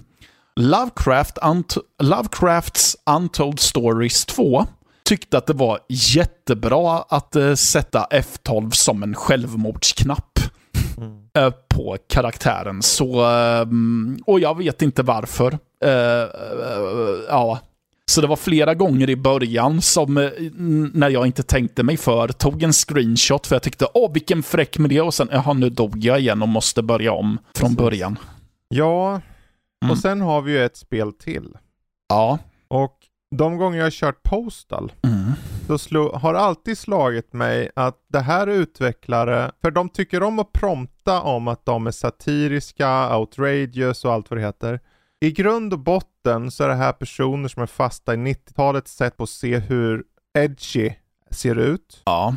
Idén om att du ska skjuta med katter, att du ska ha, att det är något underfundigt med att måla penisar på väggar eller vad fan allt man nu gör, kissar på uteliggare och skjuter dem i ansiktet. Det, är, det, det här spelet är så förlegat och så fruktansvärt onödigt bara för att det är, jag vet inte, jag tror mycket är de här utvecklarnas idé om att de tror att de är på ett visst sätt när hela världen bara har gått vidare.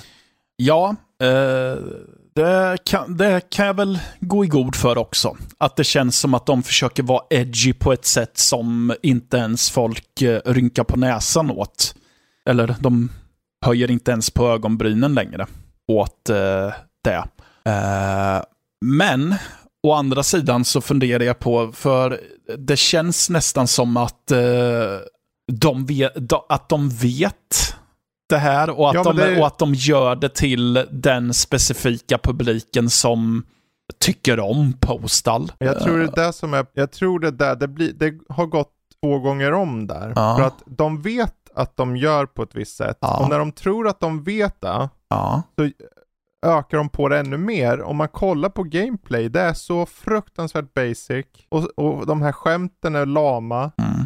Så att hela spelet är bara ett gammalt dåligt, och för, vi ska inte gå in på det prestandamässiga i det här. Nej, nej. Alltså, jag har bara försökt att testa spelet. När det fortfarande var i sin pre-alpha-bild för eh, två år sedan tror jag, eller tre Oj år sedan. Ja. Ja.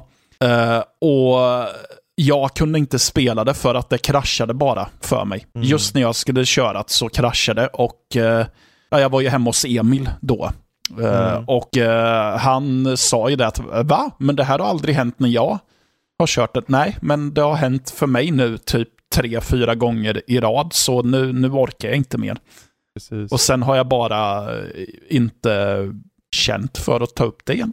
Nej, jag har väl testat, jag har försökt, jag vet ju att Emil gillar det, men det är så här, ibland måste man ju se också, det är alltså ett spel med dåligt skrivna karaktärer, om man nu kallar det karaktärer, dåligt skrivna lag, det är fult, det fungerar inte, konstanta buggar, och sen ska vi ha alltså en toaletthumor som egentligen funkade för fjärdeklassare 99, och, de, och då när de är så edgy nog att tycka att ja, men vi, vi vet vad vi gör. Det är inte nog med att de vet vad de gör. De har själva sagt uppföljare till det värsta spelet någonsin och så och spinner de på det.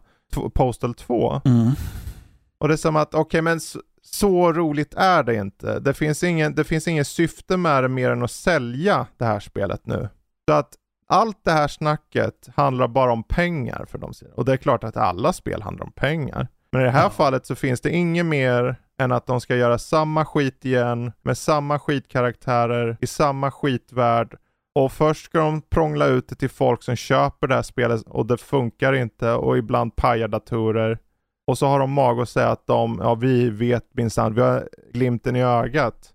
När det i grund och botten är, ja ett rit, rent skitspel.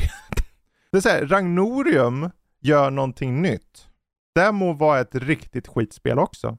Men när de där klonerna faller ner till marken och börjar leta sig runt och det är irriterande så vet man inte vart det ska vä ta vägen. Postal 4 gör samma sak igen.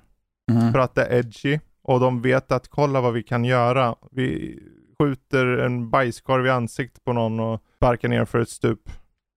Ja.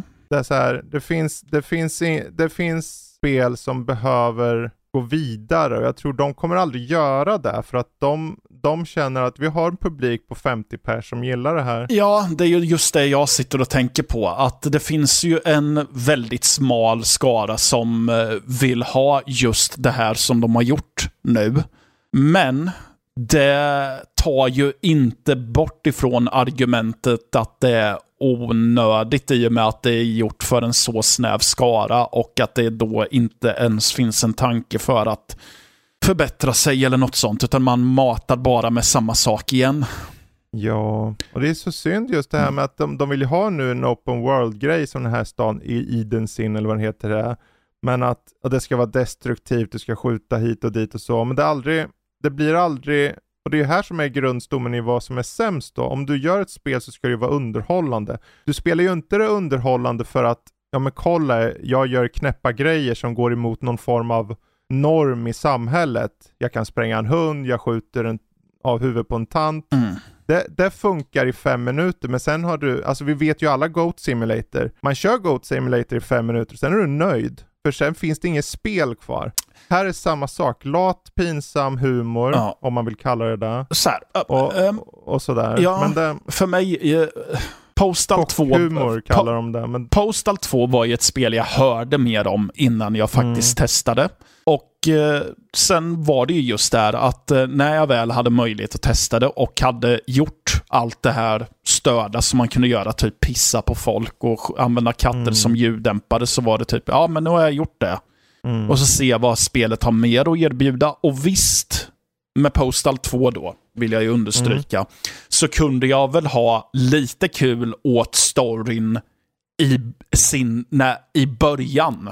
Mm. Att säga att ja, men det är lite kul att, att det här uppdraget egentligen bara går ut på att du ska gå och handla mjölk. Eller att du ska gå till banken och hämta ut din lönecheck. Mm. Och, att, eh, och lite så. Men det var bara kul så länge. För sen inser jag att ja, det här är ett ganska fult, väldigt janky mm. eh, första personspel. Precis. Och det ger ju bara mer vatten på kvarnen som har varit igång nu. Med tanke på att deras ja. Eh, beta eller alfa eller vad det hette, hette ju typ uh, ultra janky bild eller något sånt där.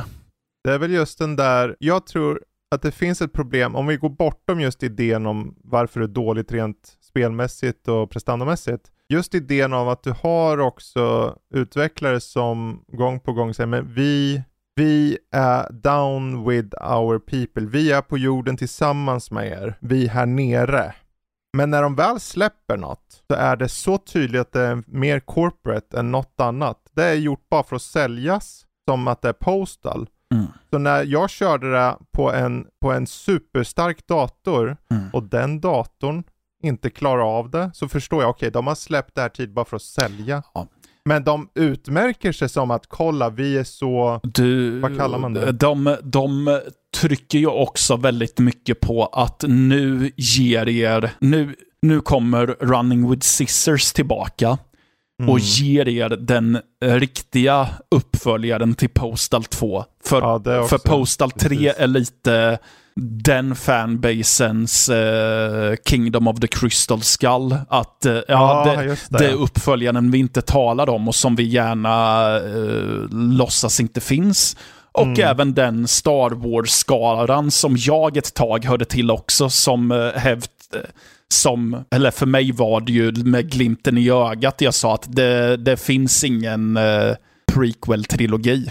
Mm, uh, så. Men och det, det, är ju lite så det de har försökt att rida på också. Och det var väl det som gjorde att några också hoppade på spelet i early access. Jag hade förresten mm. inte ens koll på att det har släppts i fullversion. Nej, och det har ju bara de som Running with Scissors mm. uh, hänger sig mot att informera koll på. Ja. Alla andra som har köpt spelet och inte riktigt har koll, de, de har bara betalat och varit en del av den kickback-funktion mm. eller kickstart-funktion som det egentligen var. Mm. Uh, för något som du betalar för som visar sig inte kunna, jag menar bara att uh, autosparningarna frös spelet, att uh, Eh, laddningstiden var ohemult långa. Det är ju småsaker jämfört med ett gameplay som är fruktansvärt mediokert och tråkigt. Ja, för um. det får man väl ändå säga om vad det låter som både Ragnorium och Lovecraft, att de är ju, de är ju dåligt designade spel. Mm. Så Definitivt. även om det har funnits en tanke, men vad man får vad det låter som så är det väl att eh, de var väl ändå färdiga produkter när de kom. Ja, bara väldigt ogenomtänkt. Ja, men precis. Ja, men I mitt fall så var det att eh, ja, alltså ni, ni designade spelet fel till vilken genre ni hade tänkt det. Mm. Och uh, Ragnorium låter ju som att uh, det inte var någon executive som hade höjt fingret och sagt vänta lite grabbar, är det här verkligen, har, har vi verkligen tänkt igenom det här? precis, uh, precis medans Postal 4 känns som en så nästan, vad ska man säga, nihilistisk eh, nihilistisk medvetenhet om att eh, ja, vi, vi har gjort det här, eh, det här jankiga spelet som ja, det, det, får vara så här för att det är ju det här som folk vill ha. Eller något sånt. Det, det, det är någon slags... Jag har så svårt att inte se någon iskallt... Bere, något iskallt beräknande bakom det typ. Ja, mm. och det är just det som gör det så tråkigt att spelet liksom, det har fört in så här sysslor, ett chores eller vad det kallas. Och det kan vara så här städa, städa på skithögar på någon jävla plats eller byta glödlampor och grejer. Mm. Och, men alla vet ju att du spelar ju bara för att gå runt och skjuta huvudet av folk. Och de vet det, vi vet det. Och samtidigt så går de runt och säger, kolla, det är som att det är vi mot dem för Running with Scissors. Vi för dem, det är de som har köpt spelet och är insatta trots att spelet är skit. Mm. Men för dem är det inte skit. För att Running with Scissors säger ju inte att det är skit. Det är ju med glimten i ögat. När det egentligen är skit. Ja. Vi vet det, att det är skit. Mm. Men de intalar sig att det inte är det. Så att det blir så här, och de intalar de som har köpt det också. Så det blir någon slags indoktrinering där känns det som. Ja. Nu har ju inte det här någon relevans till, till vad som är årets sämsta spel bör tilläggas, utan på sina premisser. Vi ska avsluta just den här ja. nu så vi kan gå vidare. Mm. Årets sämsta spel. Jag skulle nog ta bort Ragnorium bara för att den åtminstone gör något nytt. Ja. Uh, på vissa plan där. Den, den har crafting-element och den har uh, utforskande. Uh, och den har ett system där man hela tiden får nya kloner som är lite annorlunda. Mm. så då är det Lovecraft, Untold Stories 2 och Postal 4 kvar. Vad är sämst? Ja, alltså jag får ju ändå säga som jag sa förut att Lovecraft Untold Stories 2 är ju ändå ett färdigt spel. Ja. Det är bara väldigt dåligt designat och inte särskilt genomtänkt. Mm. Som, som du sa om Ragnorium förut. Um, det har, en, det har ett snyggt utseende och lite så. Det som gör att jag har lutat mer åt Postal 4, för jag var nästan beredd på att försvara det på grund av att nej, men det, det är gjort för en specifik typ av publik och så. Det är sant. Ja, eh, men å andra sidan eh, nu när jag har fått höra att det är eh, autosparningar som fryser och att det låter som att spelet är inte att ett tämligen fortfarande ofärdigt spel som tydligen är släppt i fullversion. Och så att jag inser att ja, det här hade ju en early access och en Kickstarter. Det vill säga att folk har kastat mm. pengar på dem och de släpper fortfarande ett, ett då, vad det låter som, väldigt ofärdigt spel. Jag tycker att det är så jävla fult. Ja, och det är, jag Ja. tycker det är det minsta problemet. Jag tycker Ja. det största problemet är själva spelet. Ja, och det också. Att det Att- inte är ett spel. Det är bara ett skäl till att skjuta och vara obscen. Jag kan förstå Ja. idén om att vara obscen när det handlar om att säga något, men spelet säger ingenting 2022. Spelet säger bara en sak, hej, det här är 90-talet som knackar. Ja, ja men alltså det, det, det är så, Och det är allt. För jag kommer inte ihåg när andra spelet kom. Det var väl tidigt 2000 möjligen. Ja, jag tror det. 0203 känns Ja, det som. och vi eh, har ju eh, ju gått därifrån ganska mycket. Det är ju det är ju, några skulle väl hävda att jo men det är klart att det är edgy nu. Nej, det är det inte för att det, nu är det edgy på ett sätt så att man suckar och säger okej boomer, Mm. ungefär. Det är bara att det finns ingen djupbit. Det är så här, om du skjuter, om du kastar bajskorvar på en vägg och säger kolla vilken satir, då kan det ibland bara vara att du kastar bajskorvar på en vägg. Ja, Och att det är allt. jo. Och det är så långt de egentligen har gjort, men att de får folk att tro att det är något mer. För att, ja men sådana spel görs inte idag. Det betyder inte att det är bra. Det betyder bara att, det Mm. att de inte bryr sig. Ja, men det är ju som... Men- det, på, ja. på Moderna Museet i Stockholm så finns det ett konstverk. Det är, ett, det är en get, eller ett får, som eh, en konstnär har trätt ett bildäck igenom och satt på halva, ge, eh, halva fårets kropp. Nej, men, Ja, och så har han skvätt målarfärg i ansiktet på, på det uppstoppade fåret, får jag ju ändå säga. Eh, han har stä- stängt lite färg i ansiktet på det också. ja. För några så, och då är det så här, för några är det kul för att det är en så bizarr uppenbarelse. För några så ser de symbolik i samhället. Men för några är det bara en suck och säga, men vad fan det är bara ett får, du har ett skvätt färg i ansiktet på och satt ett bildäck runt. Ska det där vara konst? Ja, Ja, oh, jösses. Mm. Ja, ja. Vi... Uh, jag, jag, jag tror att det blir postal. Jag var, jag var skeptisk till att ha det där först och tänkte att jag skulle Mm. motverka det, men jag insåg att nej, det går inte att Nej men försvara. det finns poäng, alltså Det- har ändå, om vi säger så rent kommersiellt så finns det ju folk som köper det i alla fall. Jo, så att eh, det är ju bra för dem. Det finns en publik, men sen vet jag, sen är det också svårt för mig för att jag själv bryr mig inte om Postal. Jag, Nej. Jag, Jag tror det är det bästa sättet. Ja. Man ska inte bry sig. Det är samma med Lovecraft, Untold Stories och, och Ragnorium. Det, jag, tror, när man, jag tror i de fallen var det nästan värre för vi var tvungna att bry oss. ja, Men när man ser just hur man har fört sig kring släppet av Postal 4 och just hela uppbyggnaden av det så känns det extremt kommersie- kommersiellt och då är det för en publik som är väldigt indie. Mm. Det här är publik nummer ett för super-indie-människor känns det överlag. Men de skulle aldrig se det som kommersiellt för så, så gör ju inte Running with Scissors. Nej. Så att eh, årets sämsta spel alla kategorier, Postal 4 och vi hoppar över till något väldigt mycket snabbare hoppas jag. jajamän. Eh. Eh, där fastnar vi mycket. Fanns Ja, mycket. förlåt. Det, det, Tack och förlåt. ja, det, det, det fanns mycket att säga där. Vi, vi Ja. går över till bästa expansion eller DLC som är släppt 2022.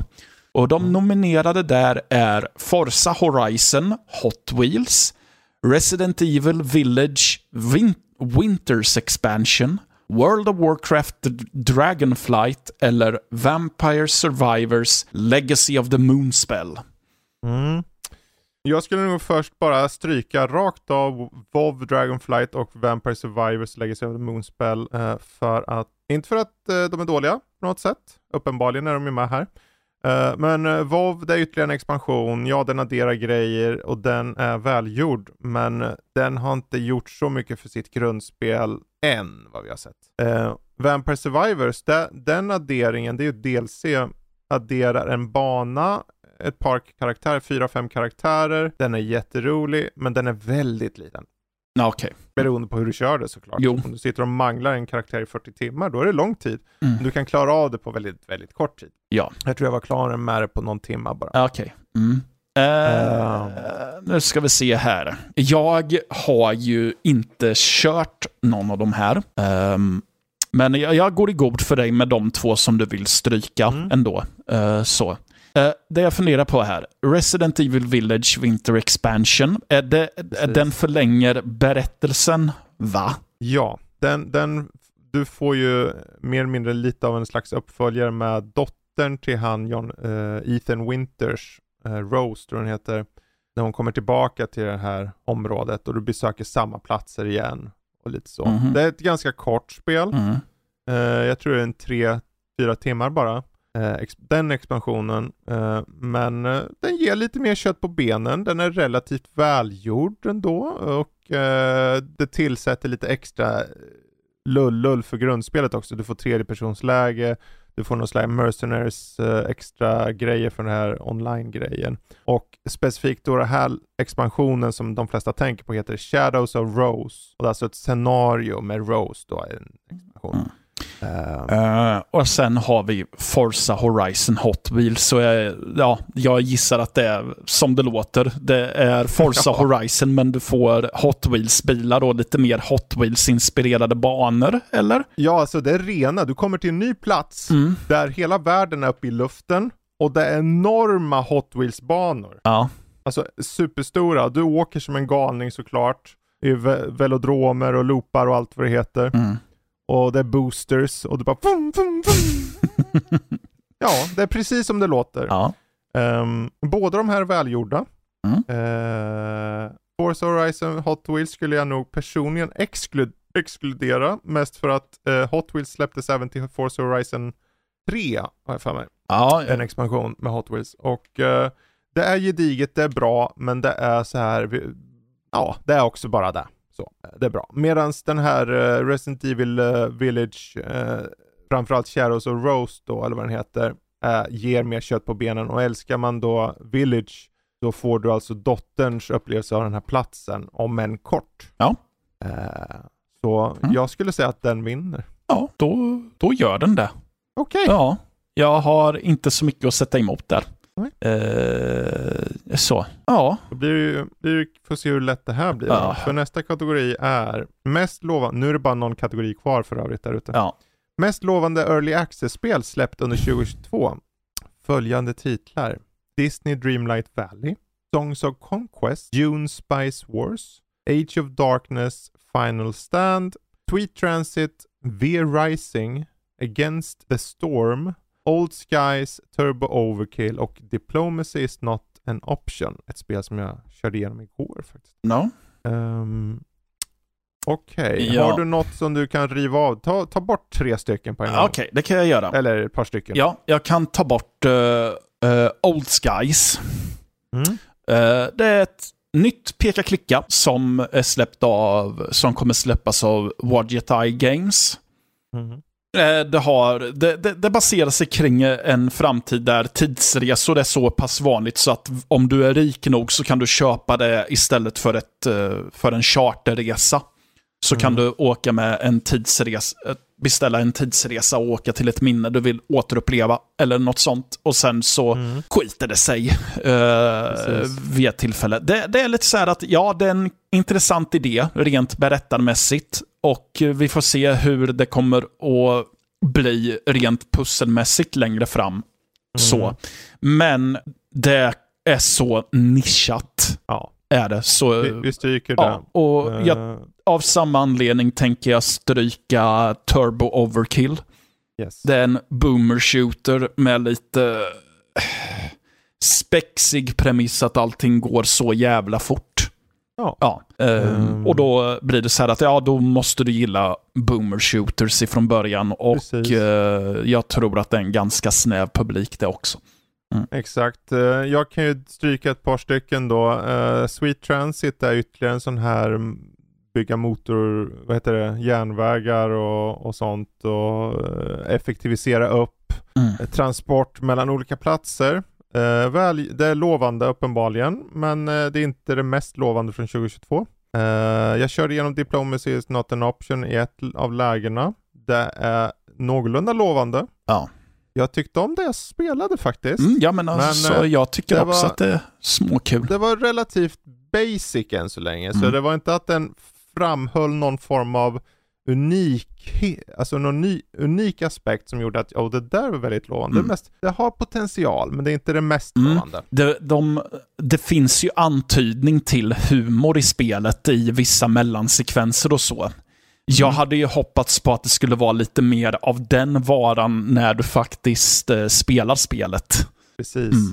Precis. Eh, sen har vi ett spel som heter Against the Storm här som är ett spel som jag vet Lotta har pratat väldigt gott om. Ehm, det är ju en slags, eh, du bygger upp en civilisation, eh, du gör, eh, jag vet inte om du går runt och har ihjäl massa oknytt också.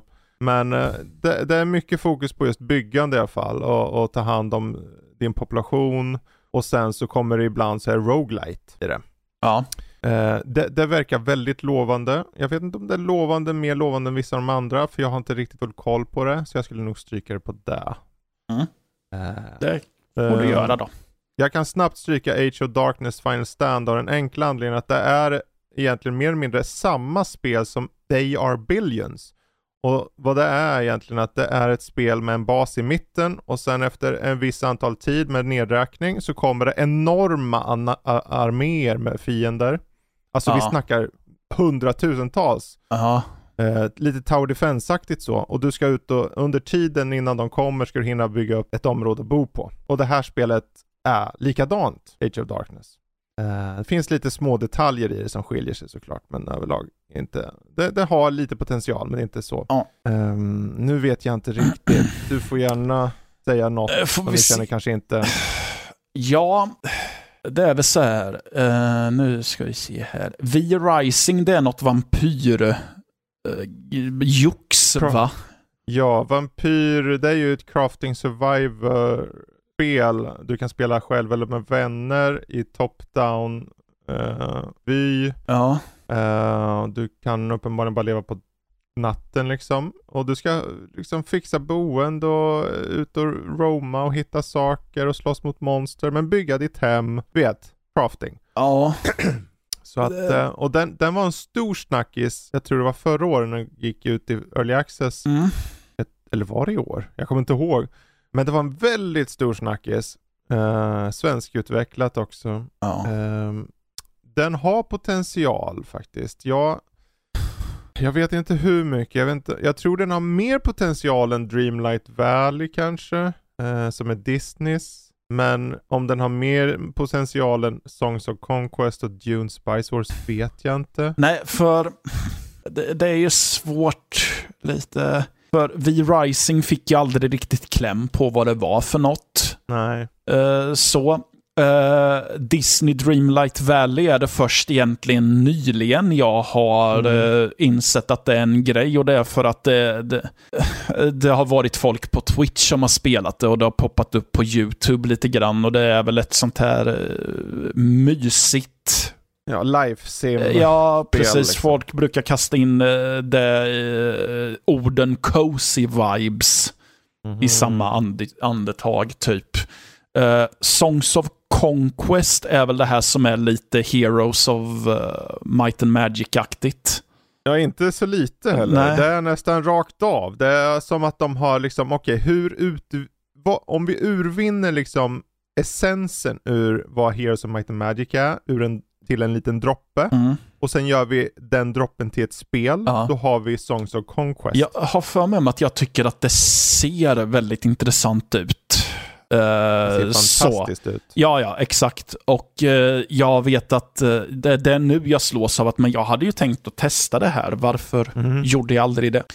Det kanske släpps i full version, då kanske får anledning. Ja, jo, precis. Nej, men så det tycker jag ser mest intressant ut. Dune Spice Wars.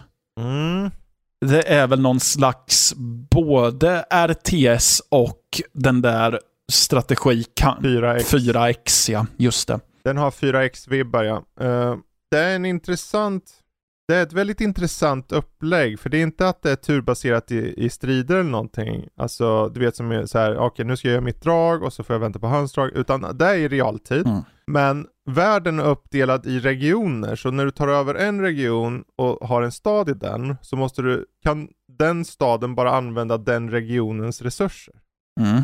Och sen så hittar du region för region och, var, och det är bara så många saker de kan använda. En region kanske kan ha två stycken fabriker högst. Och då måste du säga, okej, okay, vilka fabriker ska jag ha i den här regionen och sen skicka till den här regionen och samtidigt stora jävla maskar som roamar i de här jävla sanddynerna mellan alla regioner mm. hela tiden. Och fiender. Eh, det är mycket, mycket fokus på konspirationgrejer och spioneri. Okej. Okay.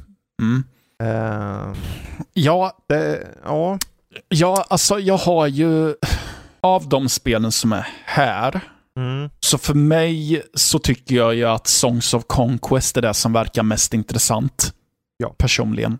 Ja. Uh, och det som sticker ut för mig. Mm. För vi Rising är lite så här, ja det är vampyrer, det ser lite gotiskt och så mm. ut, men å andra sidan så för det sig som ett typ av spel jag tycker mig ha sett så många gånger innan. Precis. Disney Dreamlight Valley är lite så här att Ja, det tilltalar väl en skara av människor, men den, till den hör inte jag. Nej, jag tycker det ser så luddigt och lite ja, så här, nästan pay Mm. Det känns free to play-aktigt på ett dåligt sätt mm. uh, när jag ser det. Jag förstår att det säkert är bra, mm. men det finns alltid den här, jag får baktank, baktanken om att okej, okay, men förr sen kommer de skjuta in saker för mig att behöva köpa mm. och jag vet att det tar ibland realtid på saker. Ja. Och Dune är mm. ett sånt spel, och det, det här det också blir lite svårt. För för mig är det så här, det, det, har potential till att vara ett sånt här spel som jag nästan lite smått avundsjukt står och tittar på när som att och, och att jag är avundsjuk på att andra har hittat saker de verkligen älskar mm. med det. Men för, och anledningen till att jag är avundsjuk är för att jag vet att jag få någon slags stresspanik över just bara genretillhörigheten. Precis, för att det är så precis. det är för mig och strategi. Att jag, jag är så ohemma i den genren och har inte riktigt det tålamodet eller det mindsetet som krävs för mm. att ta till mig spel i den genren. Ja, och jag kan nog hålla med för jag kört, körde faktiskt det på sistone. Det kom ju nyligen till mm. Game Pass. Uh, och jag tänkte jag startar upp och känner på det lite och det är så här, det är, det är lite otillgängligt. Och det är så här, det är intressant att det är otillgängligt för på pappret borde det inte vara där för att det har ju inte 4, det har ju inte 4X-spelens klassiska turbaserade, det är ju realtid. Mm. Men just på grund av att den har olika saker och ting som är väldigt väldigt originella, för att säga det snällt, mm. eh, gör att det också är väldigt svårt att ta till sig det tror jag. Eh, medan Songs of Conquest, bara utseendet får folk att vilja testa det. Mm. Eh, det är turbaserat ironiskt nog, men ja. det är klassisk Heroes of Might and Magic fast destillerat till vad gör det roligt. Det har en kampanj redan nu och det ser ut att bara bli bättre för varje uppdatering. Så jag tror också Songs of Conquest här. Ja, jag tror det. Ja, ja, ja men då Songs of Conquest, ja. mest lovande early access-spel släppt under 2022. Ja. Näst sista här då. Jajamän. Äh, kategori. Ja. Eh, mest efterfrågade spel vi aldrig ens kom att spela under året, men som vi trodde vi skulle. Det var ett redigt namn på kategorin Exakt. Mm. Vad, är kategori, vad är de nominerade? De nominerade är Ghostbusters, Spirits Unleashed, Hard Space, Shipbreaker, Triangle Strategy, Neon White, Scorn och Domekeeper. Mm. Eh, jag kan slinka in och säga att mest efterfrågade spel vi aldrig kommer att spela under året 2022. Jag har kört Domekeeper nu 2023 men inte under 2022. Um, ehm, Neon White körde jag lite nu också ja. men det var ett spel som, som jag inte spelade då. Um, vi gör så här på den här tycker jag vi bara säger vilket eller vilka, om det är flera spel känner ni känner du kanske potentiella vinnare? Uh, vilka som är potentiella vinnare? Um, uh, det är väl Neon White. Ja. Ghostbusters? Uh, nej. Ja. Uh, eller jag vet inte. Jag har bara inte... Jag vet inte heller. Jag har inte hört något, varken bu eller bä om det spelet. Det är väl det som är grejen. Och, för Neon White är ju så tydligt i att man gör talats om det. Uh, Domekeeper har jag förstått, är väldigt mycket av en sån här, sli, eh, som Max kallade för en sleeper-titel. Att mm. det, det, det, var ett spel som flög många under radarn. Precis. Eh, det är väl de två som jag spontant ser Mm. som eh, segrare. Ja, jag tror, sen är det så här, hur vinner man på vad det spelet som man aldrig spelade? Men Mm. det är så här, jag tror, jag tror Neon White. Ja, eh, och Eh. jag baserar ju Neon White på att ja, men det är ett spel som många recensenter, några riktigt hårda sådana, har på sin topp, eh, har det som sin Goti i år, eller förra Precis. året. Precis. Eh, och, det, och med det så finns det en hype kring spelet Mm. typ. Men det var också ett spel som vi inte recenserade och som jag inte ens eh, startade upp själv. Nej, jag hörde mycket om det. Jag Ja. Mm. var jämt sugen och tänkte så här, "Nej, men det där, det där ska jag plocka upp. Det har jag hört hype om. Mm. Och så blev det aldrig av. Om jag, om Ehm, jag ska begagna ett eh, Larsen-uttryck så var jag skeptimistisk till spelet. Ja, precis. Eh, precis. För att eh, det var så här att, okej FPS, ah, nej, kort. Vad fan, bort Mm. med dig. Men sen ju mer jag såg av det så, ja det kanske har någonting. Mm. Du får testa det sen. Jag har det i mitt Steam-bibliotek. Haha!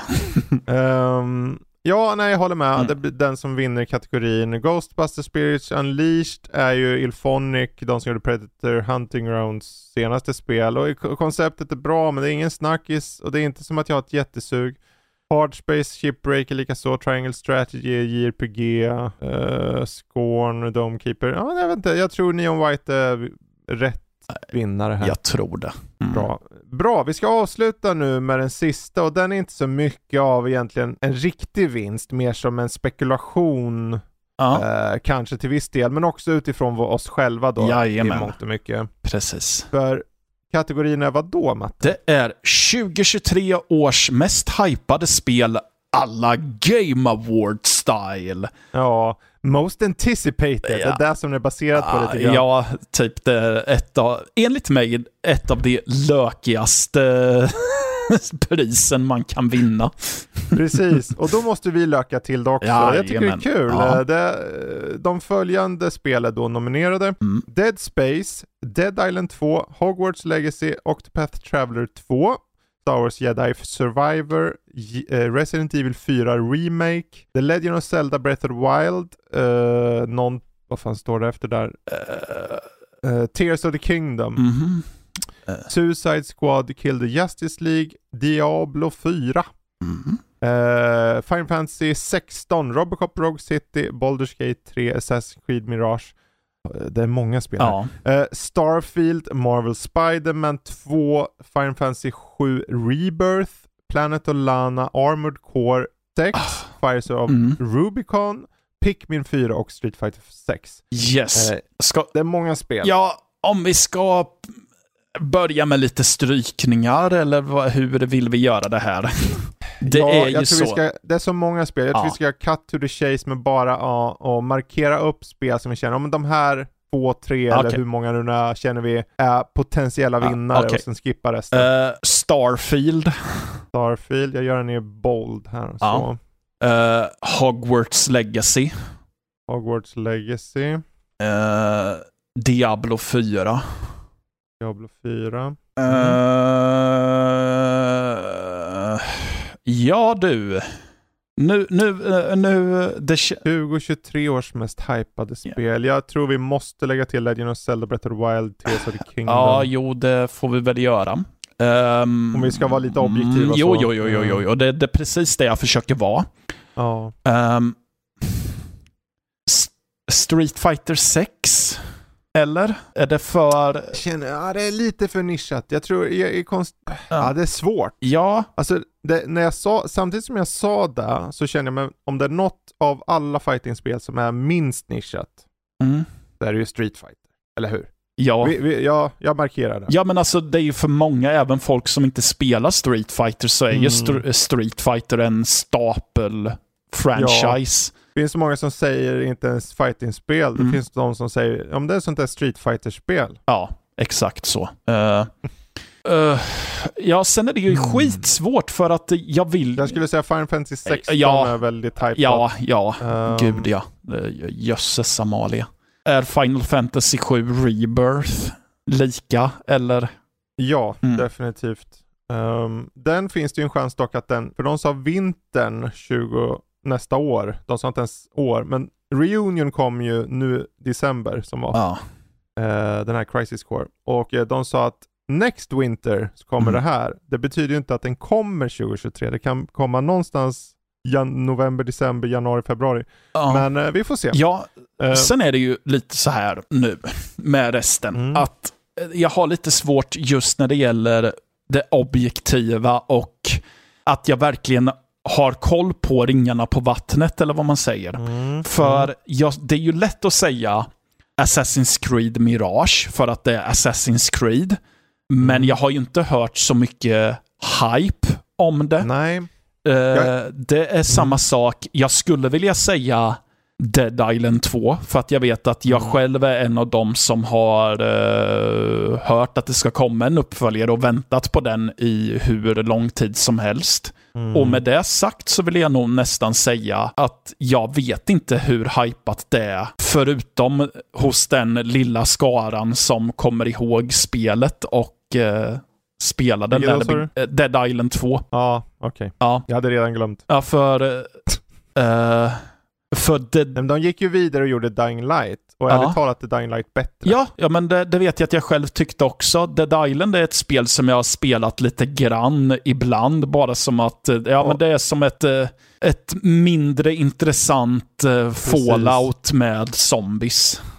Precis. Mm. Det, som sagt, alla de här spelen är ju någorlunda hypade på sina egna sätt och Ja. så. Men vilka är de mest hypade?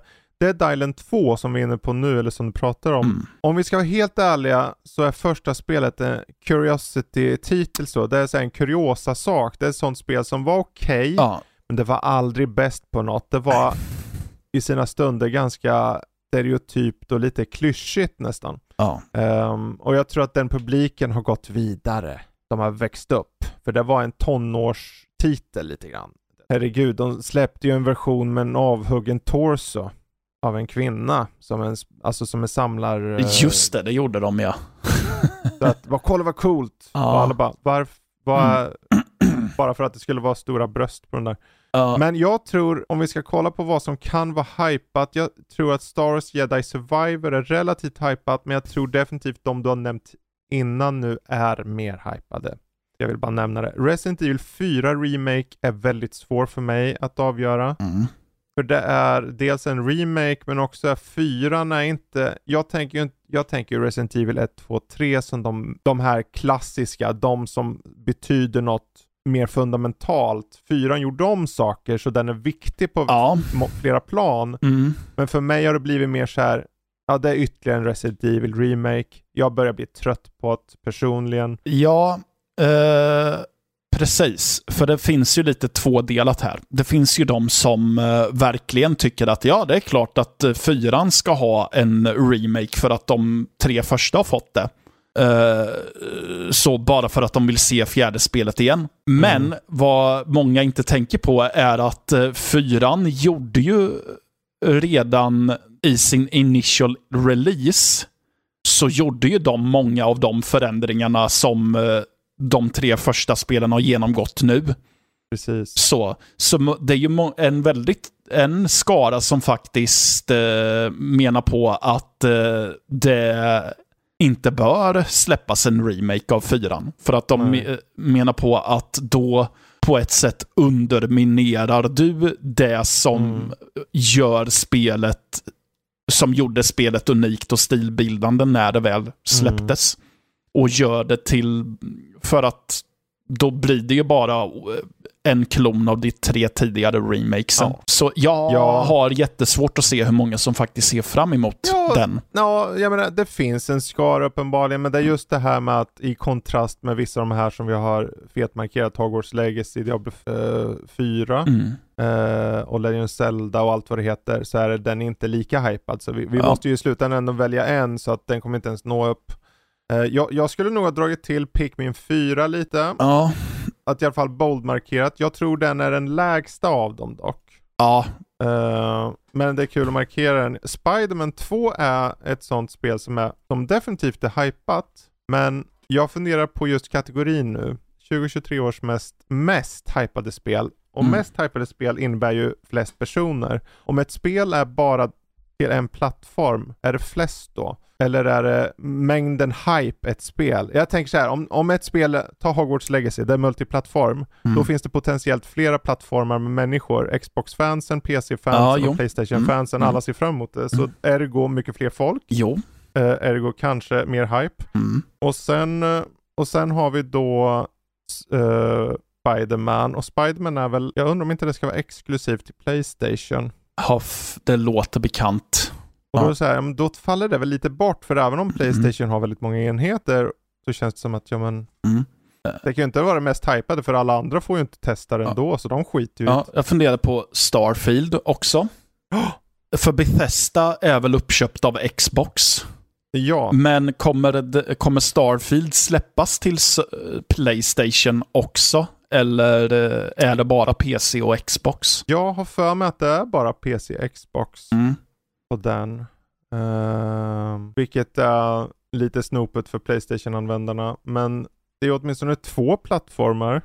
Eller tre om du räknar med eh, Steam Deck. Nej.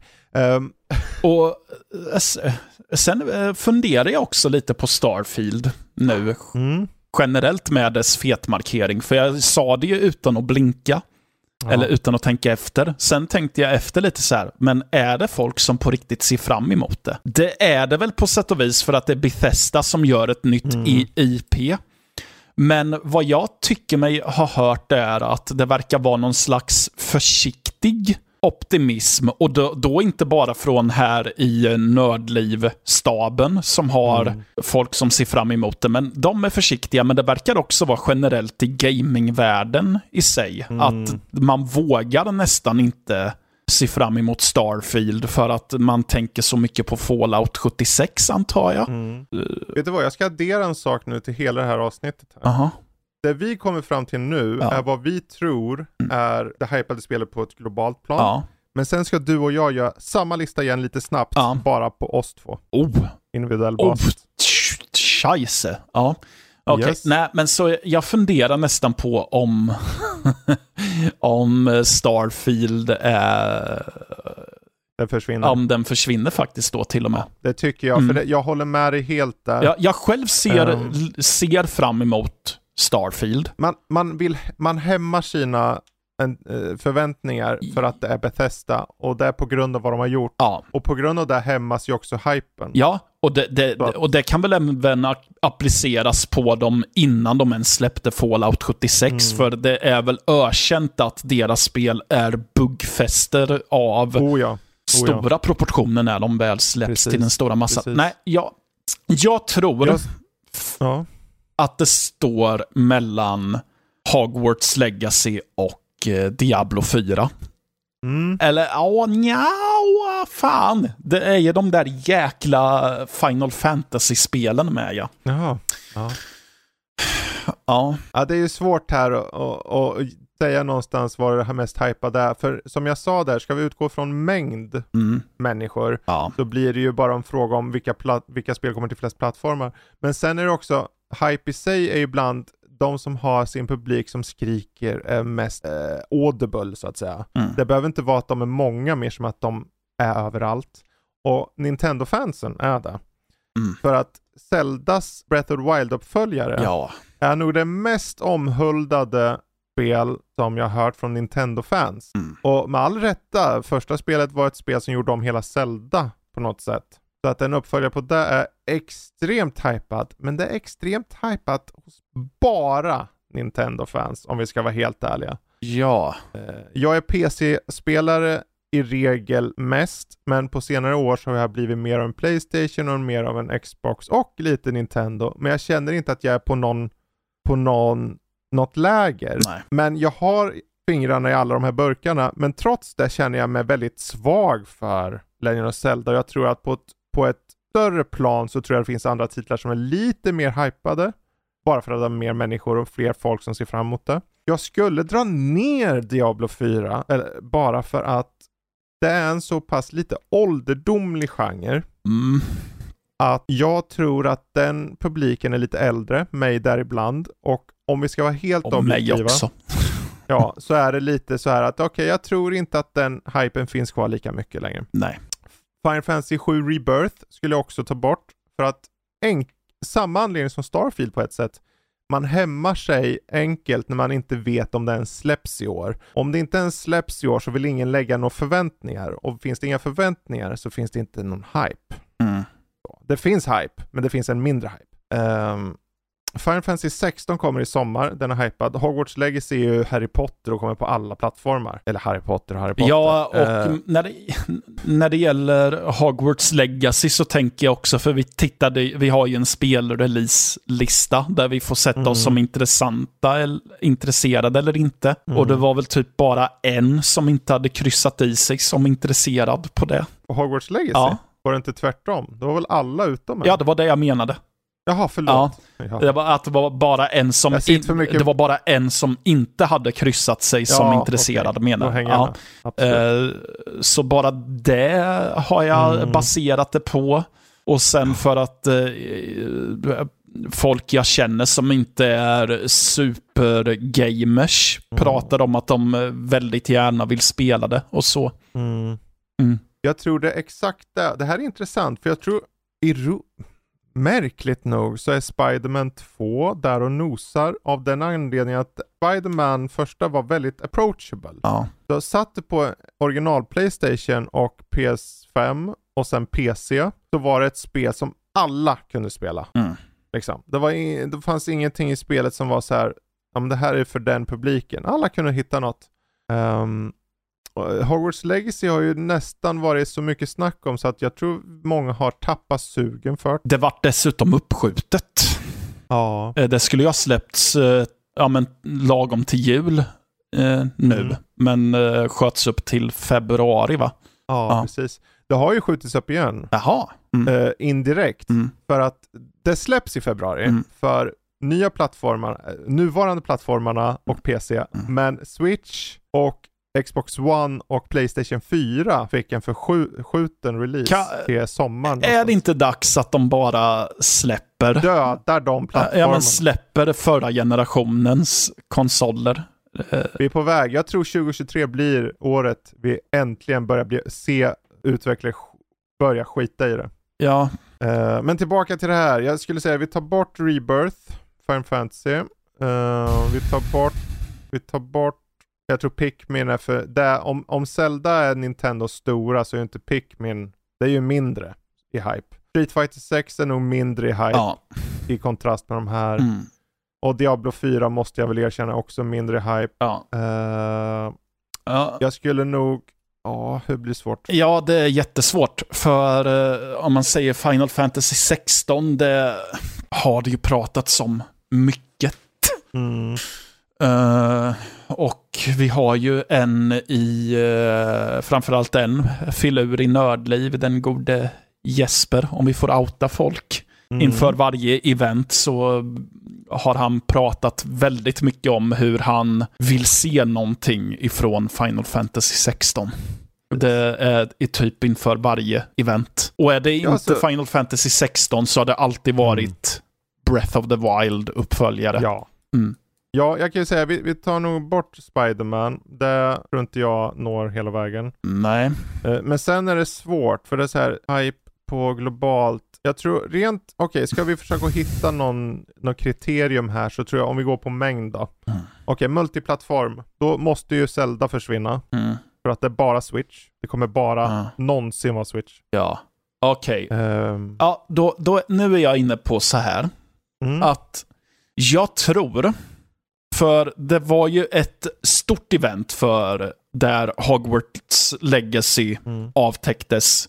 Och då var ju fortfarande tanken att det skulle släppas i december 2022. Mm. Det var då jag på riktigt upplevde att shit, det är en hype kring det här spelet. För jag menar, till och med jag vill spela ett Harry Potter-spel. Ja. Så. Men, sen sköt spelet Mm. och jag tror att det, väldigt mycket av den globala hypen dämpades Mm. i och med det. Precis. Men, eh, så därför tror jag att eh, det kanske är Final Fantasy 16.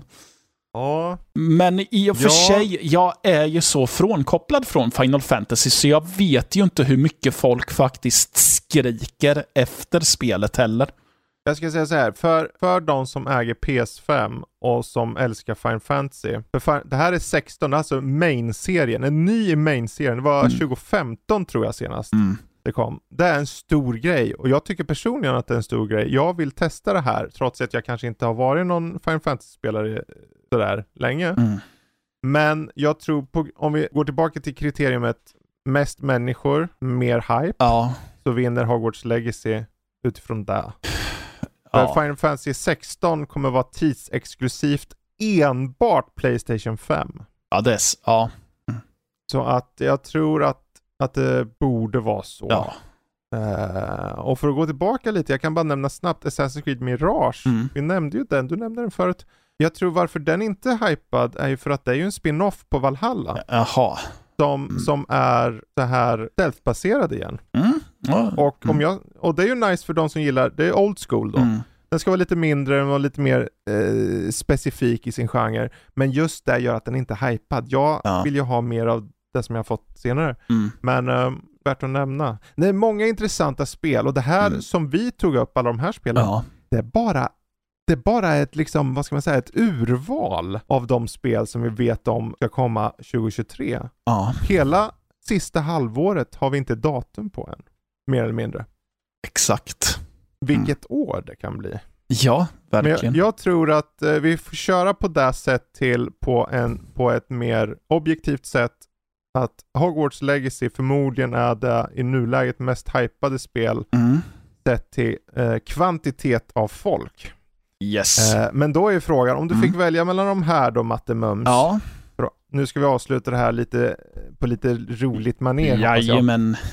Mm. Vilket av dem är ditt personliga individuella mest hypade spel? Jaha, okej. Ja, ja, ja. Vi skulle göra så. Jag trodde att vi skulle gissa på varandras, men det tar väl bara eh, Det jättelång är ju tid. lite roligt, Ja. men då skulle inte jag, jag vet inte vad ditt är, du vet ju vad mitt är. Uh, Känns det som. ja.